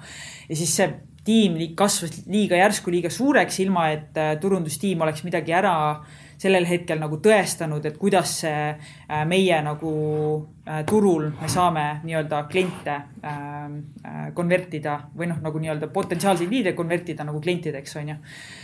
ja siis me avastasime siis ühel hetkel ennast sellisest kohast, et, et meil läks firma kulu läks väga kõrgeks me põletasime väga palju raha. Ja, ja siis me saime aru, et meil on nüüd ainult kaks võimalust. me kas sureme välja, sorry, kolm võimalust, me kas sureme välja, äh, tõstame raha, mida ilmselt selles olukorras on väga raske teha, sest et äh, meil ei olnud äh, mitte mingisugust sellist eksponentsiaalselt nagu kasvu on ju, mida võib-olla väga paljud riskikapitalistid otsivad ja teiselt poolt äh, meile ka tundus vale sellisel hetkel minna investorite juurde ja paluda äh, võib-olla lisa nii-öelda rahasüsti on ju, sest et me ei ole midagi ära tõestanud, on ju, oma ettevõtte ärimudeli osas. ja siis kolmas variant oli äh, koondada. ja me valisime siis noh, kõige selle raskema otsuse, et ma arvan, et kui sa räägid ükskõik millise ettevõtjaga siis, siis kõige raskem on alati see, kui sa pead inimesi minna laskma. et see, et see otsus tuli noh, meie jaoks nagu hästi selgelt ja väga kiiresti, et see on ainus nagu võimalus meie jaoks ellu jääda. ja siis me ühesõnaga olimegi, ma mäletan, ma olin viimaseid kuid rase, ootasin Aaronit, kes nüüd täna on kaheaastane, onju ja, ja siis äh, see oli minu jaoks, see oli, see oli, see on jah, minu elus nagu see kõige-kõige raskem hetk, kus ma tõesti tegelesin ärevushäiretega, noh ikka niimoodi, et äh, ma ei saanud üldse enam magada ja ja ma mõtlesin, et noh, kogu maailm kukub kokku, sest ma olen, ma olen inimesi alt vedanud, on ju, et miks ma nagu läbi ei näinud, miks ma lasin selle äh, ettevõtte kulu nii suureks, on ju, et, et miks, miks, miks, miks, miks ma nii ei teinud, miks ma nii ei teinud, et nagu mingi jõhker enesesüüdistamine oli ja, ja, ja siis see oli nagu koht, kus äh, Marko mind nagu väga tugevalt äh, aitas välja sellest, et temal oli ka muidugi raske, aga, aga samas äh, samas tal oli rohkem seda elukogemust vist ja, ja, ja ta oli ka võib-olla rohkem jah, näinud äh, selliseid kriise nagu kõrvalt on ju ja, ja ja noh, nii palju, noh, vähe nagu sellel hetkel isegi, kui ma rääkisin vaata oma investoritega, kelle portfooliofirmad olid ka selliseid raskeid asju, raskeid aegu nagu läbi elanud, siis nad ütlesid ka, et, et see on nagu tavaline, et see, et see ongi nagu, see ongi, see ongi ettevõtlus on ju, siis ma mõtlesin, et nagu et täitsa lõpp, et see on nagu nii valus, et sa ei, sa ei taha kunagi vaata inimestele nagu haiget teha ja neid alt vedada, on ju, et äh, issand, see oli nii raske, mul tulevad reaalselt nagu noh, läheb, süda läheb härdaks praegu, kui ma selle peale mõtlen aga jaa. oota, kui palju, kui palju te pidite, kui paljudest inimestest pidite loobuma äh,? sellel hetkel oligi vist äh, seitse inimest, mis, mis ei ole nüüd nagu väga palju, onju, aga meie tiim oli siiski väike ja me teadsime, et siit võib tulla igasugune nagu lumepalliefekt on ju ja lumepalliefekt siis tähendab seda, et äh, tiim, äh, ülejäänud tiim, kes ei ole siis sellest võib-olla mõjutatud sellest otsusest, võib-olla tunneb ka, et oh-oh, et mis toimub äh,. äkki ma peaks ka hakkama uut, uut töökohta otsima äh,. et äkki te ei oskagi nagu juhtida seda ettevõtet äh, eduni, et kõik see visioon ja kõik missioon on nagu suur ja äge, aga kui, kui sellest asja ei saa, siis, siis mida ma siin teen, on ju, et, et sa peadki hakkama kohe. mida sa tundsid juhina? Et peale selle, et okei okay,, et see oli nagu väga valus oli mõelda, et sa pead inimestest loobuma. mida sa veel mõtlesid nagu juhina või kuidas sa peegeldasid ennast sel hetkel, et kui sa mõtled, et sul on nagu, pead inimestest nüüd lahti laskma, sa ütlesid, et sa nagu olid pahane enda peale, et noh, et otsisid neid põhjendusi, et, et miks ma ei suutnud seda ette näha kõike mm. -hmm. mida sa nagu veel peast läbi käiasid? oh ähm, see noh, süüd noh, oligi vaata, ma olin lihtsalt tundsin ennast see oligi minu see kõige põhilisem emotsioon, et ma tundsin ennast, et ma olen nii süüdi ja see on kõik minu süü, vaata, et see on, et äh, kui ettevõte äh, algab nagu CEO-st, siis äh, ja kõik probleemid nagu algavad nagu tegelikult sealt, siis, siis nii on ja ma tundsin, et noh, et, et, et ma olen tõesti läbi kukkunud. aga siis äh, siis oli nii nagu Marko vaata mul kogu aeg kõrval, et noh, temal oli ka raske ja tema nagu ka kogu aeg vaata noh, nagu sa tahad paratamatult inimestele nagu kõige paremat, on ju, aga sellised, sellised nagu uudised ei ole kunagi nagu kellegi jaoks nagu lihtsad, on ju. et siis äh, siis Marko lihtsalt nagu kogu aeg nägi seda suurt pilti ikkagi edasi, et tal oli nii, et nagu, et it's okei okay,, et, et jah, et ma saan aru, et kui siit läheb veel inimesi ära, sellepärast et tiimi motivatsioon on nii tugevalt langenud ja inimesed ei usu enam meisse siis äh, siis, siis, siis see on okei okay., et isegi kui me oleme lõpuks kaheliikmeli, me oleme jälle nagu kahekesti koos.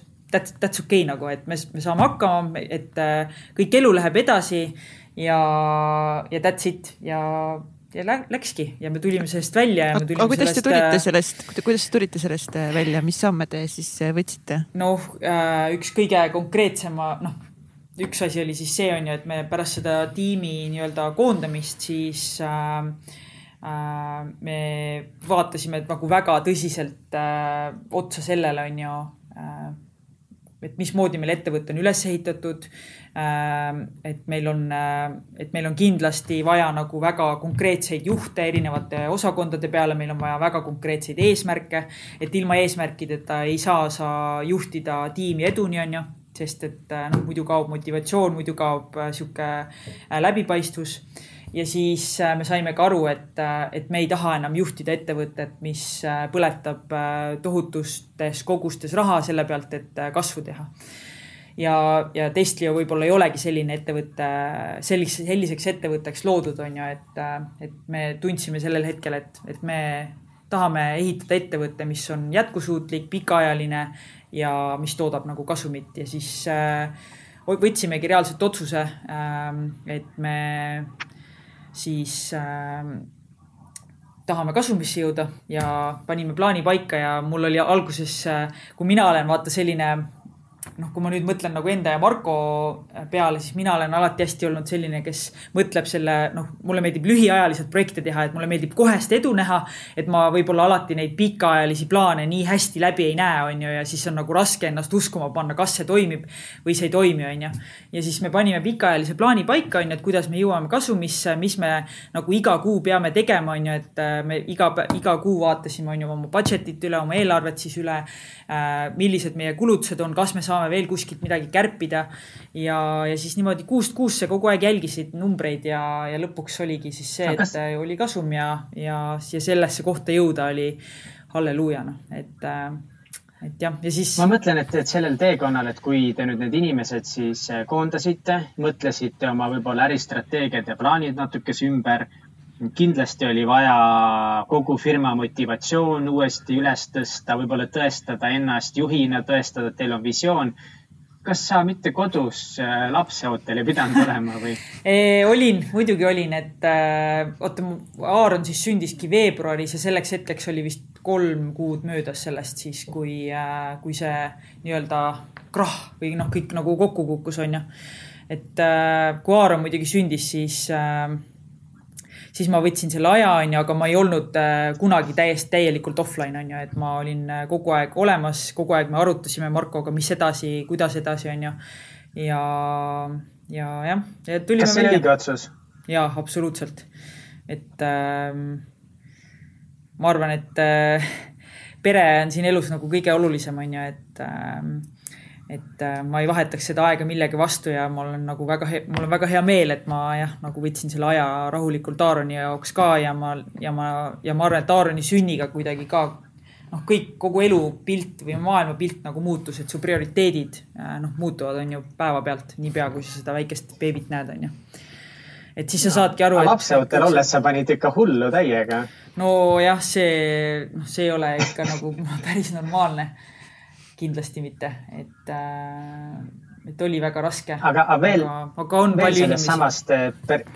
kes? Sorry, mis sa hakkasid ütlema? ei, ma lihtsalt ütlen seda, et nagu on väga palju inimesi, kes elavad väga raskeid äh, hetki sellistel nagu lapse ootusaegadel maha äh,, läbi, nii et, et äh,, et jah, ei tahaks, et seda juhtuks, on ju, aga, aga paratamatult elu on raske mõnikord Te pidite oma ettevõtte jaoks nagu väga selged strateegiad ja sammud ette võtma, et sellest välja tulla. kuidas sa iseendaga nagu inimesena hakkama said ja kuidas sa enda emotsionaalse maailmaga sel hetkel hakkama said? kas sa lasid lihtsalt sellel kulgeda ja lootes, et see ühel hetkel nagu kõik möödub või sa pidid iseendaga ka kuidagi mingit tööd tegema uh,?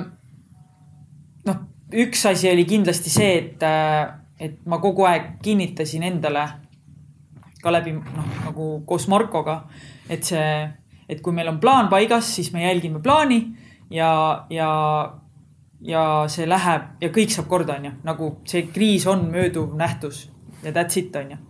et kui me nüüd oleme plaani paika pannud ja seda järgime ähm,, hoiame kätt väga tihedalt pulsil, mida me tegelikult ei olnud kunagi teinud, onju siis, äh, siis kõik saab korda ja, ja, ja noh, sel, see, selle mõtte sisestamine kogu aeg vaata aitas äh, endaga nagu toime tulla, kuigi minu jaoks oli hästi raske see, et, et, äh, et sa teed mingisuguse aastaajase plaani või me tegime kuus kuud on ju ette, et, kus me kuue kuu pärast oleme, on ju. et siis see oli minu jaoks hästi raske seda läbi näha äh, esimesel kuul on ju, et noh, et oh, nii, nii väiksed nagu sellised äh, sammukesed on ju selle jaoks. kas sa mõtled, et uskuda seda plaani? jah, täpselt jah, et sa, et ma ei olnud kindel, kas see nagu toimib või see ei toimi, on ju. kas sa pidid midagi juurde Aga... ka õppima või mingeid uusi oskusi omandama, kui te hakkasite kriisist välja tulema ja, ja uut plaani ellu viima? Oh,. see uute oskuste õppimine vist tuleb kogu aeg by default nagu ma arvan, kui sa ehitad oma ettevõtet, on ju, et äh, ma isegi ei jälgi seda, mida ma nüüd äh, kõige selle käigus äh, õppisin, aga, aga, aga ja inimesena ma sain kindlasti palju nagu tugevamaks, väga palju tugevamaks, et ja noh, üks see asi oli kindlasti see, et ma saingi aru, et, et need rasked ajad mööduvad.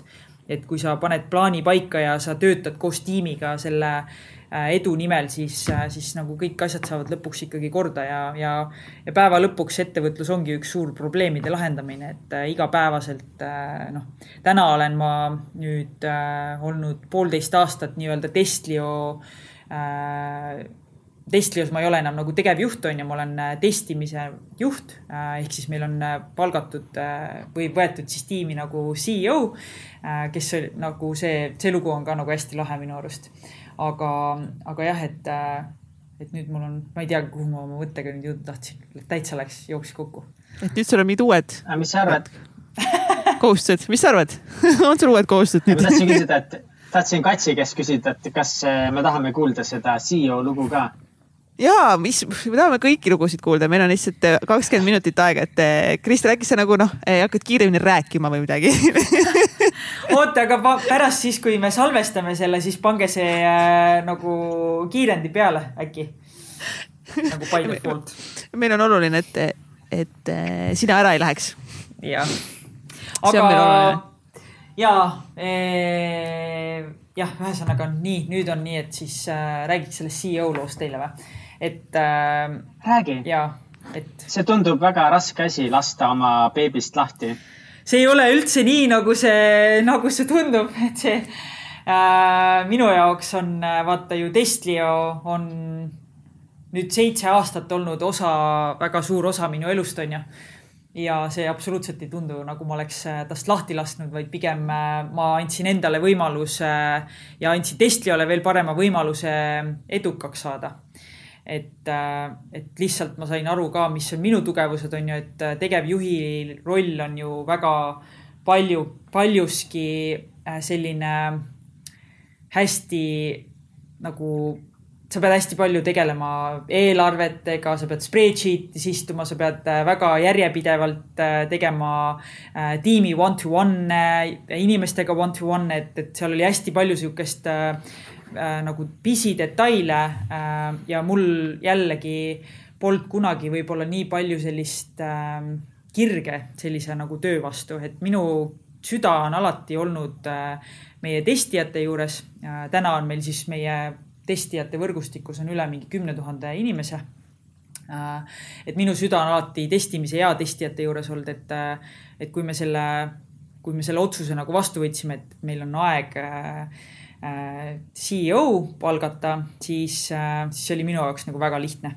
et ma pigem, minu jaoks on ju see kõige olulisem, et Testlio inimesed äh, on, saavad siin väga edukaks ja neil on ükskord üks väga lahe lugu rääkida, kuidas nad töötasid väga ägeda startup'i jaoks, väga ägeda ettevõtte jaoks, kes tegi suuri asju et äh, mul ei ole nagu kunagi sellega probleemi, et oi, mul on mingi ego nüüd, et ma ei saa sellest äh, positsioonist äh, või ametist nagu lahti lasta, et no, no way. minu jaoks on kõige suurem äh, asi see, et, et mu ettevõte on lihtsalt edukas ja, ja vahet pole, mis ametis või mis rollis ma, mis rollis ma asun. aga see CEO lugu oli selline, et äh, see oli kaks tuhat, see lugu sai tegelikult alguse kaks tuhat kolmteist aastast, kui äh, kui mina ja Marko äh, läksime maailma ühte kõige paremasse ärikiirendi programmi nimega Techstars. Ja siis Techstarsis on see hästi äge, et sa esimese, see programm kestab siis kuu, kolm kuud ja esimese kuu aja jooksul sa kohtud mingi üheksakümne erineva ettevõtja investoriga äh,, mingite edukate tootejuhtidega kuskilt ettevõtetest ja siis meil oli sihuke suur au äh, ja võimalus kohata siis meie tulevast äh, CEO-d, keda me muidugi sellel hetkel ei teadnud, et ta saab meie CEO-ks ühel päeval. ja meil oli temaga hästi hea klapp, on ju, ta kohe algusest päevast number üks nägi meie nagu seda ärimudelit, äh, nägi väga palju võimalust, on ju, et talle nii meeldis see, et me tegeleme testijate väärtustamisega ja viime neid nii-öelda sellesse tiimi, tiimi nii-öelda äh, tiimis nagu nii-öelda kõrgemale on ju ja, ja väärtustame tõesti nende, neid nende aja pealt, mitte nagu äh, vigade arvu pealt, mida nad äh, raporteerisid, on ju, mida väga paljud teised platvormid tegid. Ja, ja siis äh, me, me jäime nagu pärast seda ärikiirendi programmi temaga hästi aktiivselt suhtlema, ta tegi meie, äh, meisse ingelinvesteeringu äh,, pluss siis ta oli see selline äh, inimene, kes äh, meie jaoks, ma arvan, äh, aitas teha ühe sellise otsuse ka, ühe kõige elumuutvam otsuse nii-öelda Testlio elus, kus siis me äh, olime väike tiim, mingi viieliikmeline ja siis ta ütles, et kuulge, et, et nüüd, et nagu edasi kasvada, siis äh, Kristel, sina ei peaks enam äh, võib-olla nii palju, et äh, mitte nii palju müüki tegema, vaid et eh, sa võiksid müüki teha, aga et äkki seda protsessi kiirendada, siis otsime teile müügiinimese. ja siis tema aitas meile eh, tuua Testliosse ühe kõige ägedama inimese, kes siis tuli Testliosse müüki tegema. ja see oli nagu Testlio jaoks väga selline elumuutev koht, kus me, see oli koht, kus me, me vist tõimegi esimese mingi suurkliendi USA-st Testliot kasutama. see oli mega suur võit ja siis sealt edasi kuidagi me jätkasime nagu järjepidevalt äh, nagu suhtlust, on ju, ta andis meile igast asjade osas nõu, on ju, et isegi kui me neid kriisiolukordasid läbi käisime, siis me hoidsime nagu kontakti ja, ja ta püüdis ka oma nagu know-how'ga nii palju aidata, kui vähegi võimalik on ju, kuigi noh, meie suhtlus ei olnud enam selline, et me mingi iga nädal suhtleks, vaid pigem see oli ala kord poole aasta jooksul check'id in'i ja vaatad, mis toimub, on ju. Ja siis äh, oligi see, et ma olin Aaroniga, on ju oli siis kaks tuhat kaheksateist aasta, noh, viis aastat põhimõtteliselt edasi, on ju. ja kaks tuhat kaheksateist aastal siis sündis Aaron ja, ja siis selle suve lõpus me hakkasime kuidagi jälle siis Steve'iga hästi aktiivselt nagu suhtlema. ja Steve siis äh, ütles, et ta teeb ka oma karjääris nii-öelda muudatuse, et ta töötas ühe ettevõtte jaoks, kes toimetas New Yorgis ja ta pidi hästi palju kogu aeg perest eemal olema, onju ja ta otsustas, et ta tahab äh, tagasi nagu Austinisse minna äh, ja sealt äh, siis nagu vaadata oma järgmise nagu ettevõtte.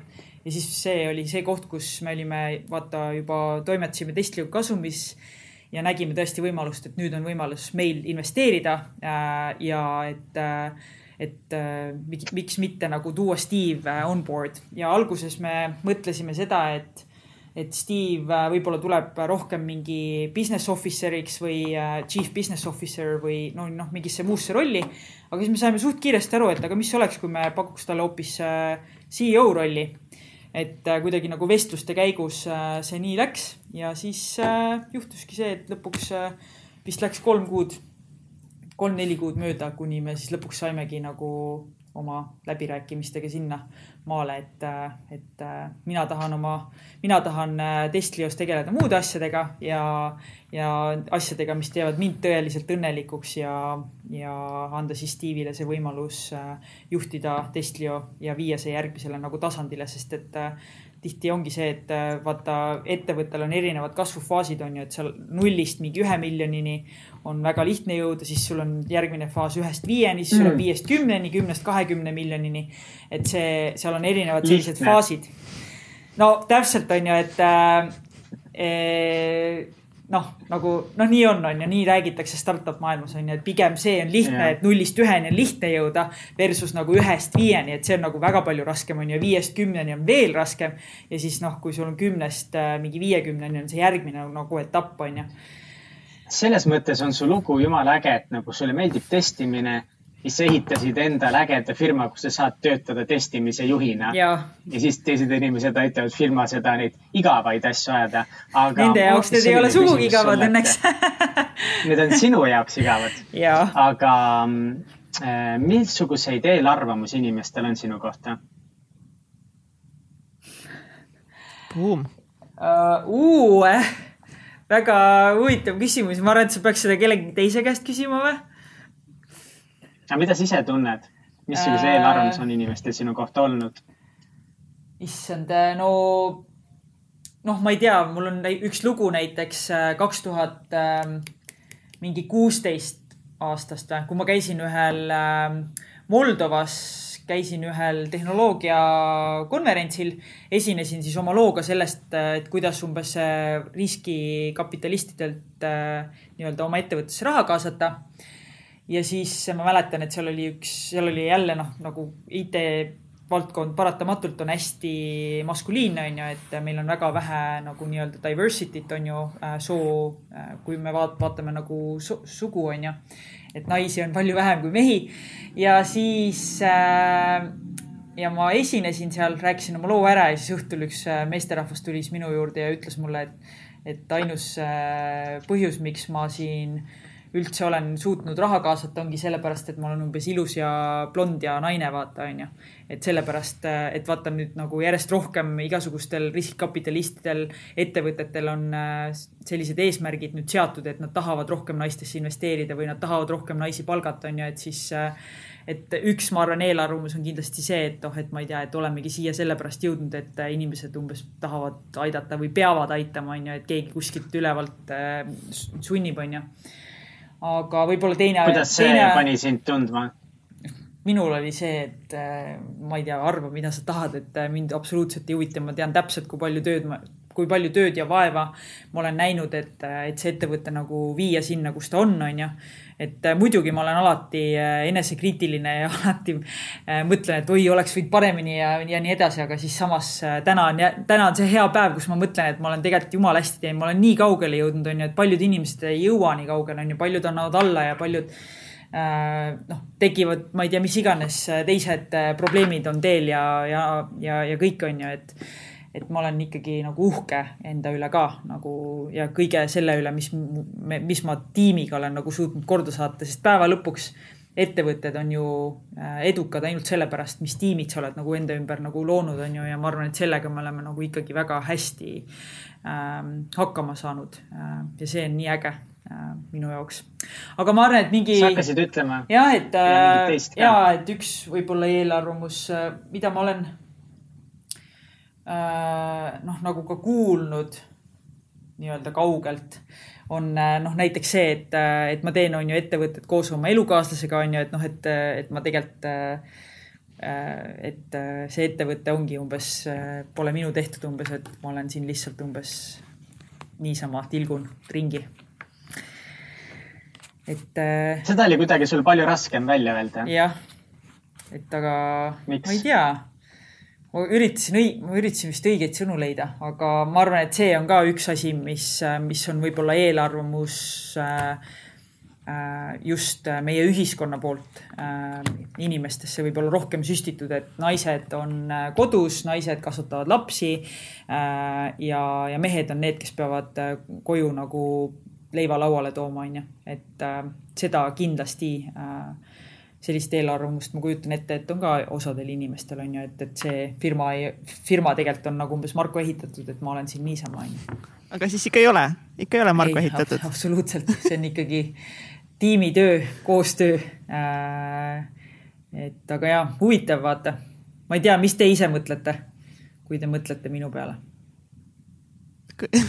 mina. on teil ei... ka mingeid eelarvamusi või eelarve, eelarvamus võib olla see, et eh, võib-olla rohkem see kuvand, mida sa eh, jätad teistele inimestele või siis mulle ongi nagu see, et ongi, et sa oled alati ülienesekindel, you have everything figured out nagu lihtsalt boss, noh, level kuskil mingi, ma isegi ei tea, ei ole enam viis tuhat, vaid mingi sada tuhat on ju.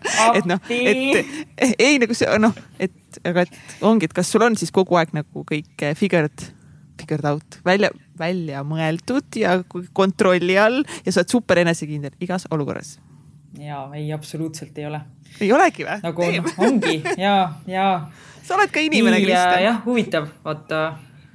ma olen täiesti tavaline, täiesti tavaline inimene tõesti. ma ei usu, äh, ma ei usu. et äh, mina ju ka kogu aeg mõtlen, ma nagu reaalselt äh, iga noh, ikkagi kogu aeg mõtlen selle peale, et et ma saaks olla parem ja, ja kõike paremini teha ja, ja, aga see ongi, vaata, see on, see on see ambitsioon, mis äh, meid elus edasi viib.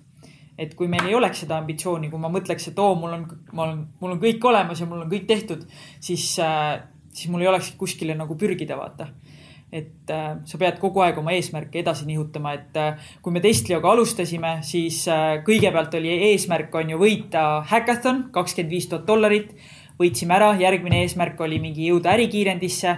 Davai, ärikiirendisse, saime sisse, yes, let's do it. järgmine eesmärk on mingi suur klient saada ja sa lihtsalt kogu aeg lähed edasi, onju. et see on sihuke nagu, sa lased nagu orav rattas, onju, aga samas äh, ja ei anna võib-olla endale piisavalt palju aega puhkust, puhkamiseks. aga, aga samas jah, see on, see on see elus edasiviiv äh, jõud, see ambitsioon pead kogu aeg ennast äh, vastavalt olukorrale muutma ja, ja kogu aeg edasi pingutama, et, äh, et hoida oma elu piisavalt ikka põnev ja, ja raske ja äh, et see on, see on seda väärt. elu peab olema raske. natukene jah, noh, ma mõtlen ettevõtja elu jah, et kui ei ole, siis järelikult sa ei tee piisavalt palju ettevõttes aga see, kas see kandub üle sinu arvates ainult ettevõtjatele või üleüldse spetsialistidele ja muudele inimestele? jah äh,, jah, kui nüüd nii mõelda, siis äh,, siis, siis kindlasti, et kui ma vaatan kasvõi omaenda äh, testija nagu karjääri samamoodi on ju, et äh,, et ma kogu aeg äh, jah, pidin, pidin pingutama ja tahtsin ka pingutada ja kogu aeg seadsin uusi eesmärke ja, ja see, ja see viis mind äh, oma ettevõtteni on ju, et sa kunagi ei tea, kuhu sind miski viib. vot nii. Kui palju sa lased nii. teiste arvamusel ennast äh, mõjutada või kui palju sa hoolid teiste arvamusest või kas sa varem hoolisid rohkem kui nüüd? ja kindlasti varem äh, hoolisin palju, palju, palju, palju rohkem. et kui noh, sa ettevõtet näiteks hakkad ehitama, on ju, siis sa mõtled, et sa ehitad ettevõtte, kust mitte keegi kunagi ära ei lähe, me oleme kõik nagu hästi ühel joonel. Äh, et äh, kõigil on sama visioon, missioon, äh, missioonitunne on ju, samad väärtused, kunagi konflikte ei teki. et sa jah, et ma olin nagu nii naiivne on ju, et ma mõtlesin, et ma olen, ehitan kunagi siukse ettevõtte, kus kus kõik on, kõik on happy'd, aga siis mida aeg edasi, mida suuremaks sinu meeskond kasvab, meeskond ja naiskond mulle ei meeldi üldse, et kogu aeg ainult kasutatakse meeskond, meeskond, tegelikult on ju naiskond ka või siis tuleb kasutada tiim. aga, aga ja, et äh, selle tiimi kasvamisega, nagu sa saad aru, et sa ei saa kõiki inimese, inimesi õnnelikuks äh, teha. ja, ja sa ei saa kõiki, kõigi arvamust nagu südamesse võtta, sest et äh, et jah, sa pead lihtsalt kompromissi leidma ja, ja that, that's about it et kindlasti vanasti ma hoolisin väga palju teiste inimeste arvamusest ja valasin väga palju pisaraid, kui keegi äh,, keegi mulle halvasti ütles või keegi äh, minu juhtimisstiili kohta mingisuguseid märkusi tegi või arvas, et ma ikka teen täitsa valesti ja et ma olen äh, halb äh,, siis see läks mulle väga südamesse, aga nüüd ma olen aru saanud äh,, noh ja ma olen aru saanud õnneks äh, läbi omaenda kogemuse ja läbi ka teiste kogemuse on ju, et, äh, et paratamatult. kas sa tundsid, et et kuna sa oled naine ja enne sa mainisid ka, et IT-sektoris ei ole väga palju naisi ajalooliselt olnud, et kas sa tundsid, et sa pidid midagi seal osas ka tõestama? kas sa tundsid, et sul on nagu mingisugune, noh, et Eesti naiste seas või Eesti naiste eest mingisugune selline koos sina ja, ja mõned teised naisjuhid, et teil on see mingisugune maakera suur sammas, mida te kannate õlul, et mul õnneks seda nii-öelda noh, nii-öelda pinget või see ei ole mul kunagi nii-öelda nagu kuskil kuklas elanud, et, et ma pean nagu nüüd äh, Eesti naiste eest ja Eesti naisettevõtjate eest äh, seisma ja näitama, onju. Ähm, et seda mul pigem ei ole olnud, et ma olen lihtsalt, lihtsalt olen ise tundnud, et ma pean ennast ettevõtjana tunnistama, mitte et ma pean ennast naisettevõtjana tunnistama. et jah. aga noh, jah, nii on aga mis? eh, no, jah, Kats, go ahead. okei okay,, ma võtan kas eh, on mingeid kindlaid hirme, mida sa oled pidanud ka äh, ületama? on sul mingeid üldse hirmusid? hirme on mul äh,, noh, ma mõtlengi, vaata, me oleme selle vestluse käigus nüüd äh, rääkinud ka on ju nendest hirmudest, et äh, see hirm, üks kõige suuremaid ongi see, et, äh, et sa vead vaata inimesi, oma inimesi nagu alt on ju, et, äh, et sa, et ma olen tõesti, üks meie ettevõtte väärtustest on nagu be kind on ju, et ole lahke ja ole nagu hea teiste inimestega, et, et ma, ma nagu tõesti iga kord, kui keegi uus inimene Testlioga nagu ühineb, et siis ma tõesti nagu tahan, et, et nad tunneksid uhkust siin nagu töötamise üle ja et neil oleks nagu tõesti ühel päeval üks väga lahe nagu lugu rääkida, et, ähm, et jah, minu jaoks on, on jah, see selline oluline. nii huvitav, ma jäin täiega mõttesse praegu mingite pointide, pointide peale aga on sul veel mingit? hirmu osas või? mis asja? mille osas? mis sa küsisid? et mis pointide peale sa mõtle meid nagu, et hirmud, mis sul ja, on olnud? Need nagu hirmud jah just..., täpselt, et, äh, et ma mõtlengi, et ma arvan, et see kõige suurem hirm on, ongi olnud nagu see just, et, äh, et sa ei taha nagu alt vedada oma inimesi, kes, kes on siia tulnud ja teinud oma otsuse, et, et noh, nüüd ma tahan oma aega ja Äh, oma aega pühendada Testlio nii-öelda ehitamisele on ju, et sa tahad tõesti, et inimesed tunneks siin töötamise üle uhkust ja neil on, on nagu äge missioon ja visioon ja, ja toredad inimesed, kelle ümber, kellega nad koostööd saavad teha, et, äh, et jah ma nagu noh, vaata, kuna ma enne mõtlesin ka selle küsimuse peale päris pikalt, siis äh, see oli tõesti esimene asi, mis mul nagu kohe vaata pähe tuli huvitaval kombel. Jah. mis äh,. piinlik vaikus ei, meil ei ole piinlikke, meil ei ole, meil on ainult mõttepausid, meil ei ole piinlikke vaikusi. juba me oleme nii ajas sees, aga ma tahaks, et Profik juhtimise koos. kohta, et eh, mis sa ise tunned, et mis, mis on sinu näiteks suurimad vead, mis sa näiteks juhina teinud oled oh,? Isver, nii hea küsimus, juhina minu kõige suuremad vead uh,. number üks vaata, kui hea, kui sa küsid selliseid äh, ettearvamatuid küsimusi, siis äh, sul parat-, noh, nagu tuleb kohe mingisugused asjad tulevad pähe. ja see kõige esimene asi, mis mul pähe tuli, oli see, et ma ei seadnud eesmärke. Et äh, minu tiim äh,, kui me olime väiksed, on ju, me olime mingi kümneliikmeline, siis sinu tiim on hästi sihuke agiilne, kõik kogu aeg omavahel räägivad, kõigil on täielik läbipaistvus, mis toimub, kus toimub. ja siis ühel hetkel on see, et äh, su tiim on nagu mingi kahekümne viie liikmeline ja siis sa saad aru, et, äh, et nüüd nagu ei ole see kõige parem aja kasutamine kõigi tiimiliikmete jaoks, kui me kogu aeg kõik omavahel kõigest räägime, onju. et siis peab tekkima nagu organisatsioonis mingisugune struktuur, onju. Ja, ja siis äh, struktuur nagu tekkis, onju, aga tekkis see, et äh, ka struktuuri või nagu osakonnad said oma kuidagi tempos nagu hakata rohkem toimetama. ja kadus visioon ära ja, ja kadusid ka eesmärgid ja, ja oligi nii, et inimesed äh, toimetasid lihtsalt vastavalt sellele, palju nad jõudsid, onju, aga keegi ei teadnud, mis meie ettevõtte nii-öelda aasta eesmärgid on või mis selle osakonna eesmärk on. Et kõik olid, pigem vastasid seda, et noh, kui me räägime tootearendusorganisatsioonist on ju, et siis oli see, et oh, me lihtsalt siin nagu teeme nii palju feature eid, kui me jõuame või me teeme siin nii palju seda back-end'i mingeid lahendusi, nii palju, kui me jõuame, et, et pole mõtet neid eesmärke nagu üldse seada, on ju, et me tõesti nagu kõik töötame siin kakskümmend neli seitse, on ju.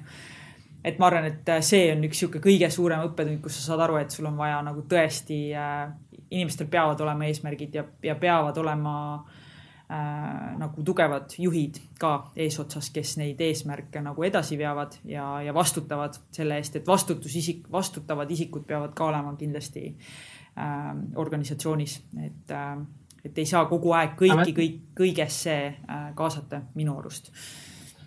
et selle point siis just isegi ongi see, et mitte alati eesmärgid ei pea olema nii-öelda motivatsiooni jaoks või just sellepärast, et kõigile, et kõik ikka teaksid, et nad peavad palju tööd tegema, vaid kas sinu puhul oli eesmärgid olulised, et kõik liiguksid samas suunas? sama suund jah, täpselt, et äh, meil ühel hetkel oligi pigem see, et äh, et kadus ära see visioon nagu, et inimesed hakkasid, said ettevõttest eraldi aru äh,, erinevalt aru, et kes nagu mõtles, et me peame olema juba viis aastat tagasi täiesti self-serve platvorm on ju, et inimesed tulevad platvorm, meie kodulehele ja saavad osta testimisteenust on ju kahe nupu vajutusega. ja oli teine seltskond siis on ju, kes oli nagu nägi seda ettevõtet nii nagu meie nägime, on ju, et, et me oleme ikkagi testimisorganisatsioon, meil on siin service delivery osakond, kes äh, võtab meie kliendid, äh, hoiab nende kätt, on ju, et nendel läheks kõik hästi ja et nad oleks meiega õnnelikud.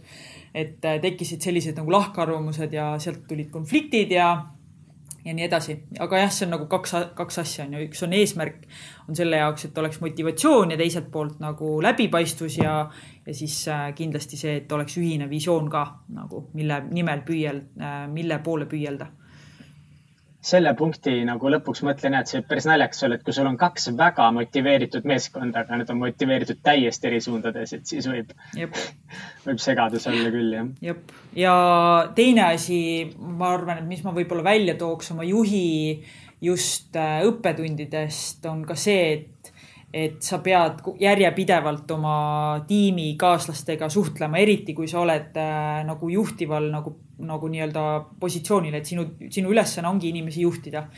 et äh, mis ma selle all mõtlen, on siis see, et äh,, et äh,, et kui meil vaata tulid rasked hetked, siis inimestel tekkis see moment, kus äh, me juhtidena hüppasime nagu probleemile peale, lahendasime, on ju, hullult ja siis, kui probleem ära läks, siis äh, kadus kogu suhtlus, on ju, et, et inimestel tegelikult ei tekkinud mitte mingisugust usaldust vaata üksteise vahel, on ju.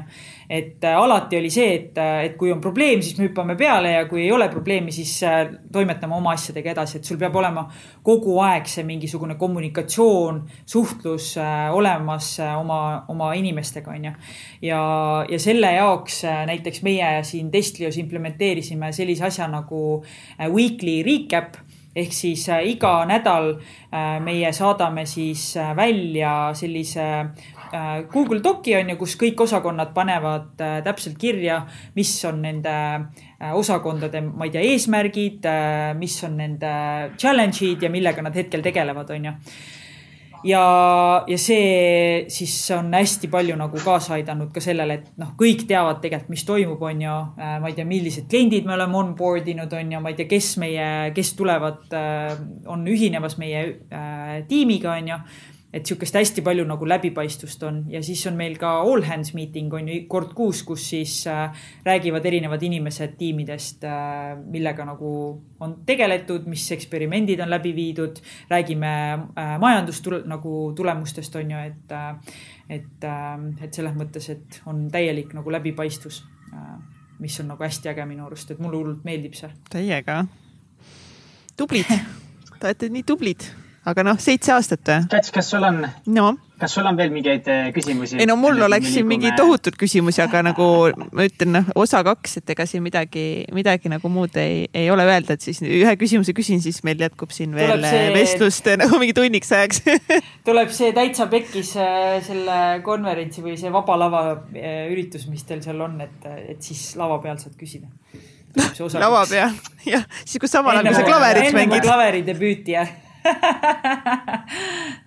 aa, nii et Kristel on ka üks esinejatest või? Kristel on ja mängib klaverit ja siis teeb äh, selle speech'i lihtsalt. sepa poisid. sepa poisid ja kõik Kamme asjad ma korra, mul olid mingid väga head või tähendab üks küsimus ma tahtsin küsida. väga läks, head küsimused olid. ja mul läks lihtsalt see küsimus sellest. praegu täitsa juba selle jutuga meelest ära, aga lähme sinna välkküsimuste juurde. otsi ülesse. ei, ei, otsi üles oma küsimust. kuule, teeme välkküsimust, siis mul tuleb meelde, siis teeme pärast välkküsimused. välkküsimused, mis need on?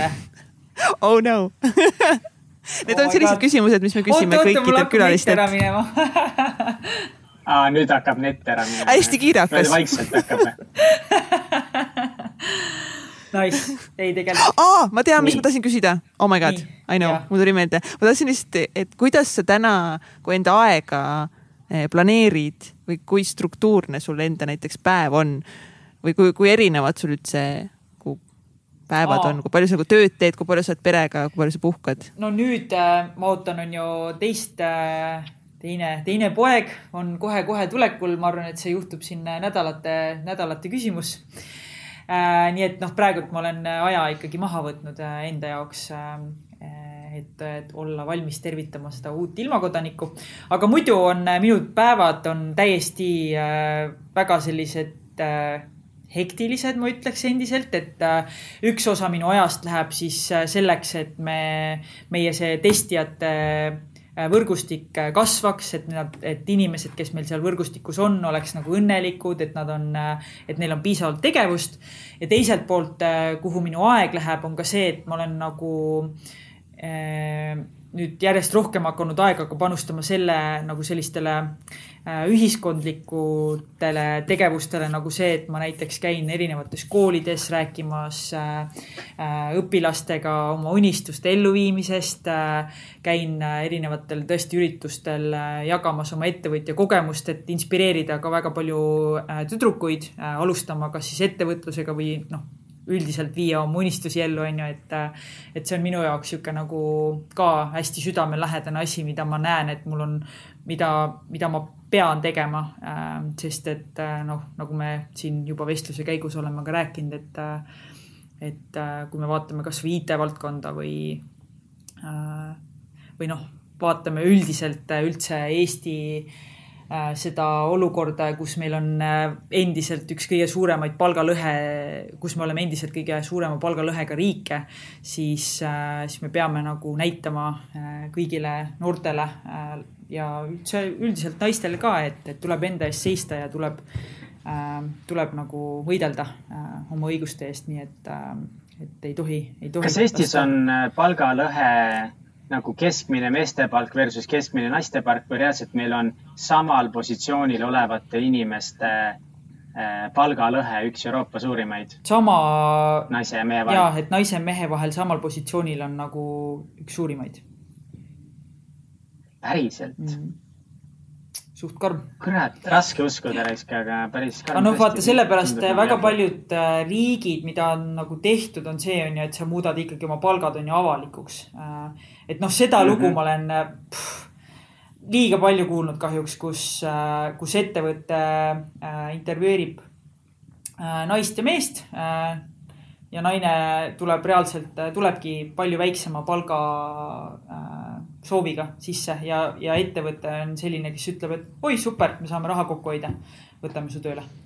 ja neid lugusid ma lihtsalt kuulen noh, liiga palju, et meie ettevõttes on ikkagi nii, et kui inimene tuleb äh, naisterahvas ja tema palgasoov ongi väiksem äh, äh, inimesest, kes töötab temaga samas tiimis, samal positsioonil siis me muidugi viime selle absoluutselt kohe sinna sellele tasemele, kus ta peab olema nagu, et et selles mõttes. aga kas sa arvad, et siin on, on naiste, sest noh, bioloogiliselt seda on nagu uuritud, et, et ongi, et nagu naised kahjuks või mõned mitte kahjuks, aga mingil määral mingites olukordades ongi rohkem nagu tagasihoidlikud ja rohkem alalhoidlikumad. see ei ole midagi bioloogilise, bioloogilisusega seotud. see on äh,. naised ja... on keskmiselt alalhoidlikumad, aga kas ei, sa, kas sina julgustaksid nagu naisi rohkem?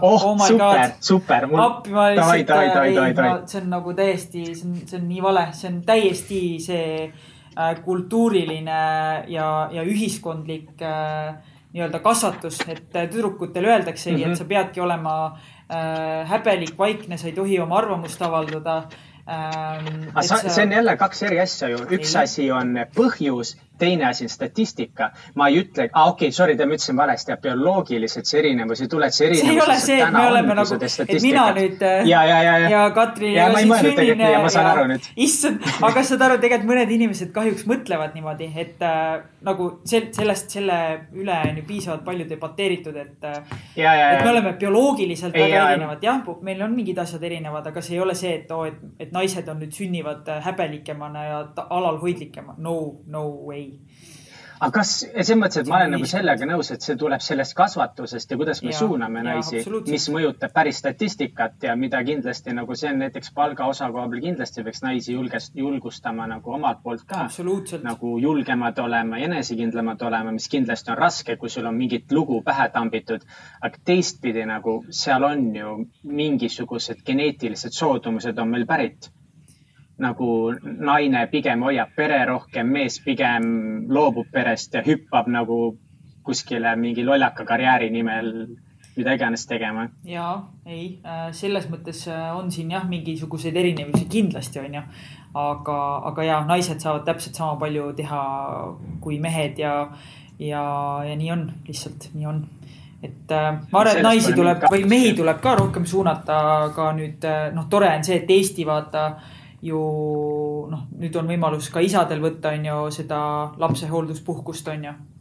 et, ähm, et sul on võimalik see nagu ära, need kohustused nagu ära jagada, on ju, et, äh, et see on hästi-hästi tore nagu, et, et me teeme selles osas väga samme, nagu väga suuri samme, aga samas äh, noh, me vaatame sinna ähm, ida poole, et seal on endiselt äh, väga palju riike, kus, kus naised ei ole mitte keegi ühiskonnas, on ju, et ähm.... kas sa näed seda ka nagu oma elu ühe missioonina, et ühtepidi äh, inspireerida Eesti noori tüdrukuid, aga teistpidi ka kogu maailmas seda staatus quo'd muuta? ma arvan ja, et see on mingis, mingis mõttes tekkinud äh, või noh, nagu minu jaoks on see tõesti hästi oluline rääkida ja näidata ja, ja, ja suunata äh, nii vähegi palju, noh nii palju kui vähegi võimalik. et kindlasti, jah. kas sa, Kristel, kas sa oled näinud, oota, seda dokumentaali, oligi vist Naised, oligi vist selle dokumentaalfilmi nimi alles hiljuti, vist tuli välja, oli kinodes ka, kus Aa. mingi erinevad tohutult palju lihtsalt üle maailma naisi jagas nagu enda elu ja enda kogemusi ja nagu, nagu kus ühiskonnas me nagu elame, see oli täiesti nagu mind blowing, kes me Egerti käest vaatame, see nagu. Egert ütleb temaga nagu ta ei tunne ise nagu seda, et olekski meestel-naistel nii palju nagu erinevusi, et kõik on nagu tema jaoks võrdsed ja siis ta vaatas seda filmi mm.. ja siis nagu mingi oh my god, mis maailmas nagu toimub ja mida nagu naised peavad üle elama see on nagu ja, nii rets lihtsalt. ma eile lugesin ka ühe raamatu läbi, sihuke lühiraamat rääkis ka nagu sellest äh, naiste rollist nagu ühiskonnas äh, viimase nagu saja viiekümne aasta jooksul. ja no tõesti, mõtle mingi kaks tuhat viisteist aastal alles Saudi Araabias äh, võeti vastu otsus, et naised võivad üldse hääletada, onju.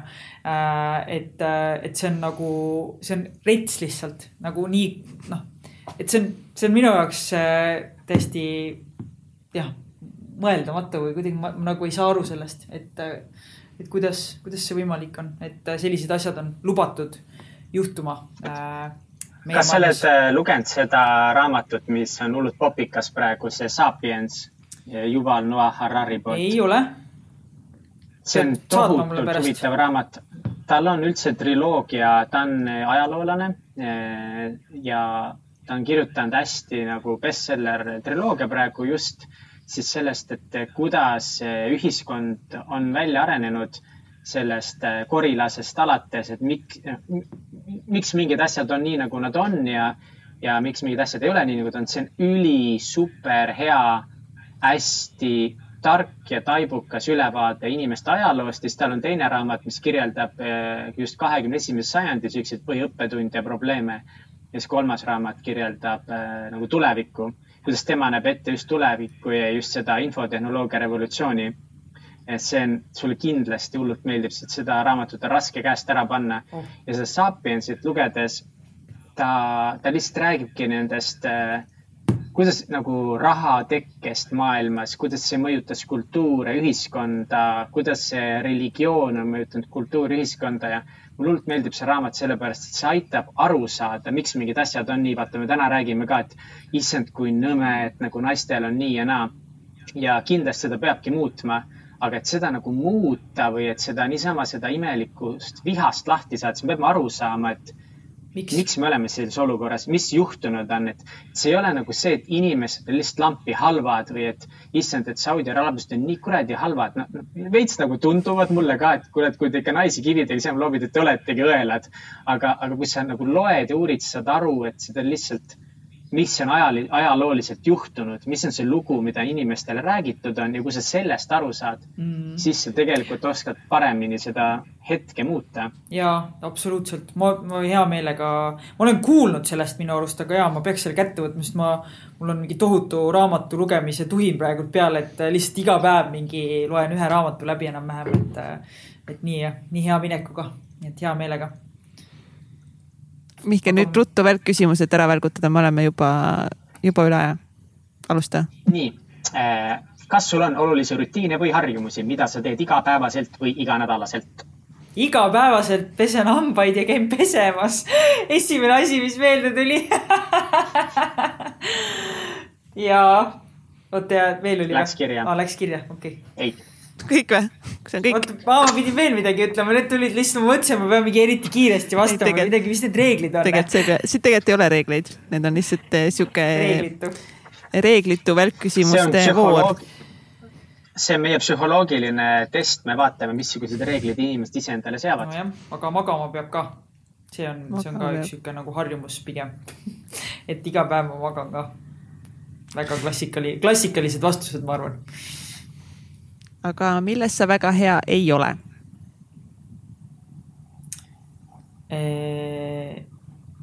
ma ei ole väga hea. kas ma saan öelda, ma ei ole väga hea järjepidevuses, et ma ei ole nagu järjepidev. selles ei ole väga hea. ja. jah, ma ei oska joonistada ka. ma ei ole väga hea see järjepidevuse juttu ma ei, nagu nüüd ei usu pärast kõike seda vestlust, mida me siin maha oleme pidanud viimased kaks tundi nagu kuskil no Londonis hullu panemas on ju.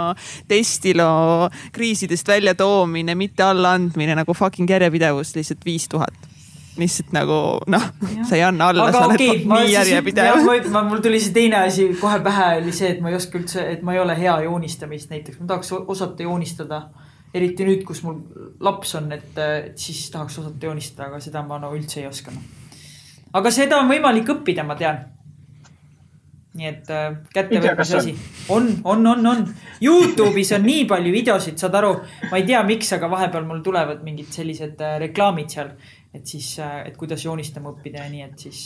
täiesti nõus, ma vaatasin just videot, mis selgitas teadlikult ära, et kuidas on selline hea suusõnaline oskus, see on metafooriliselt äh, võimalus kahekümne tunniga igas valdkonnas kätte saada põhimõtteliselt wow see kümne, kümne tuhande tunni reegel kehtib äh, väga spetsiifilises kitsas valdkonnas nii-öelda väga heaks saamisele. Hmm. kahekümne tunniga õpib inimene ära sihiliku, eesmärgistatud kahekümne tunniga õpib inimene peaaegu kõik asjad siuksel okeil tasemel. ma olen sellest ka aru saanud, et rutiin on ju tekib siis, kui sa teed kolmkümmend päeva äh, midagi näiteks. mille üle sa oled kõige uhkem oma elus? Testlio kohe tuleb, ma arvan, see vastus jah, jah. Nice. jaa. aga mis on kõige pöörasem asi, mis sa elus teinud oled ja kas sa teeksid seda uuesti oh!? Kõige pöörasem asi või? kas ma olen üldse pöörane või? ei, sa oled sihuke Harju keskmine. oota ma mingi mõtlen kohe Marko peale, Marko on, ma ei tea, bensihüppeid teinud ja langevarjuhüppeid, et mina siukseid asju nagu. aga sinu jaoks pöörane, nagu. sinu jaoks pöörane? ei, ma mõtlengi, et, et, et, et ma mõtlengi, et mis minu jaoks on nagu pöörane olnud. täitsa lõppe. oota, kõige pöörasem mm.. Issand. mul, mul on sihuke tunne, et ma vist ei ole piisavalt pöörane appi, saate aru, mul reaalselt ei tule mitte ühtegi asja pähe praegult. no mis vasta lihtsalt testilo, ei no vasta lihtsalt nagu see. testilo testli, vabandust, issand eh,, my brain eh,. Eh, Techstarsi nagu saame, kusjuures ma mõtlesin, et Y Combinator on kõige kõvem kiirendi maailmas uh,. Y Combinator uh, ei ole enam kiirendi, nad on nüüd uh, fund. Nagu. Nad uh,. jah, aga sellel hetkel, kui meie Techstarsis läksime, siis oli Techstars oli kõige kõvem. mis on edu võti ähm,? edu võti äh,, töökus. see kindlasti. edu võti on äh, töökus ja mitte allaandmine. Skaalal ühest kümneni, kui veider sa oled mm,? ma arvan, et sihuke viis, viis tuleb ära. jah, pigem. super. eks keskmine noh. no sihuke tavaline. jah. no jah, okei okay.. kust, kust need küsimused tulevad nagu miks te selliseid küsimusi küsite?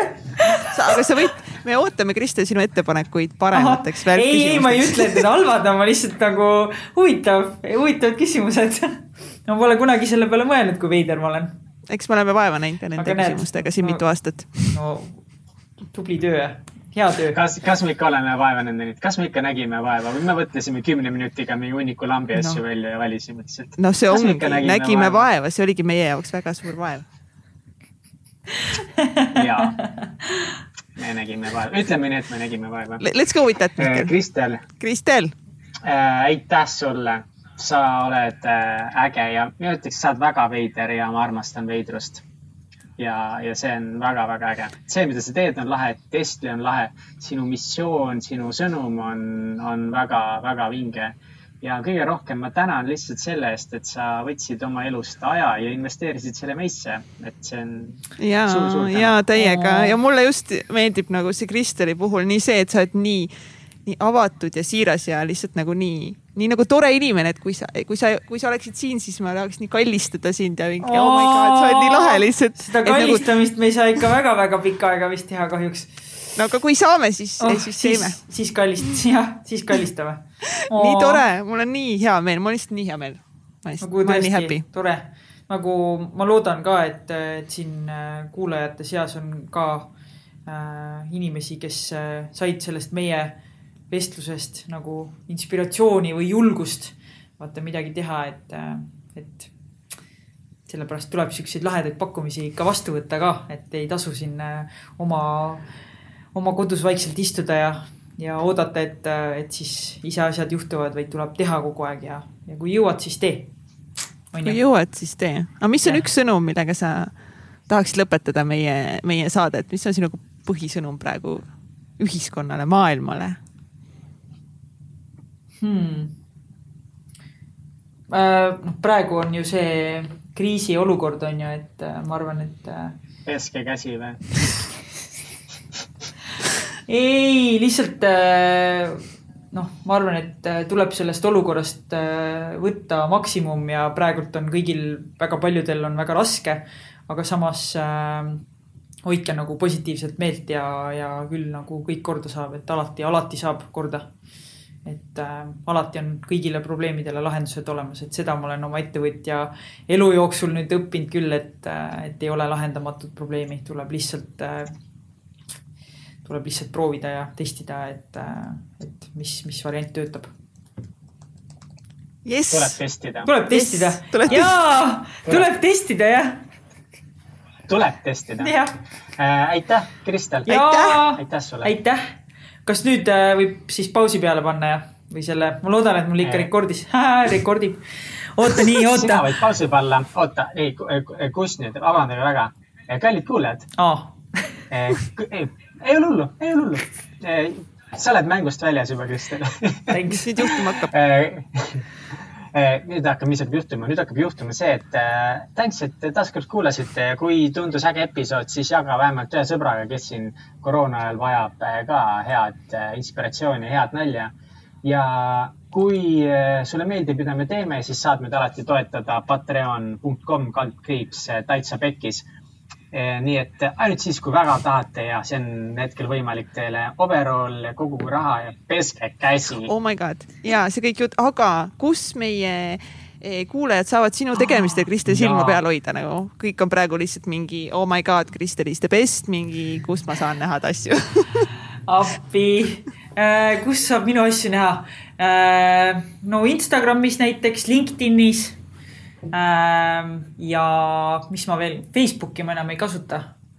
aga jah, LinkedIn ja Instagram on mul siuksed äh, aktiivsemad sotsiaalmeediakanalid ja, ja siis mis ma veel tahtsin öelda, vist rohkem ei ole ühesõnaga Instagramis Kristel äh, Kruustuk ja, ja Kristel Kruustuk.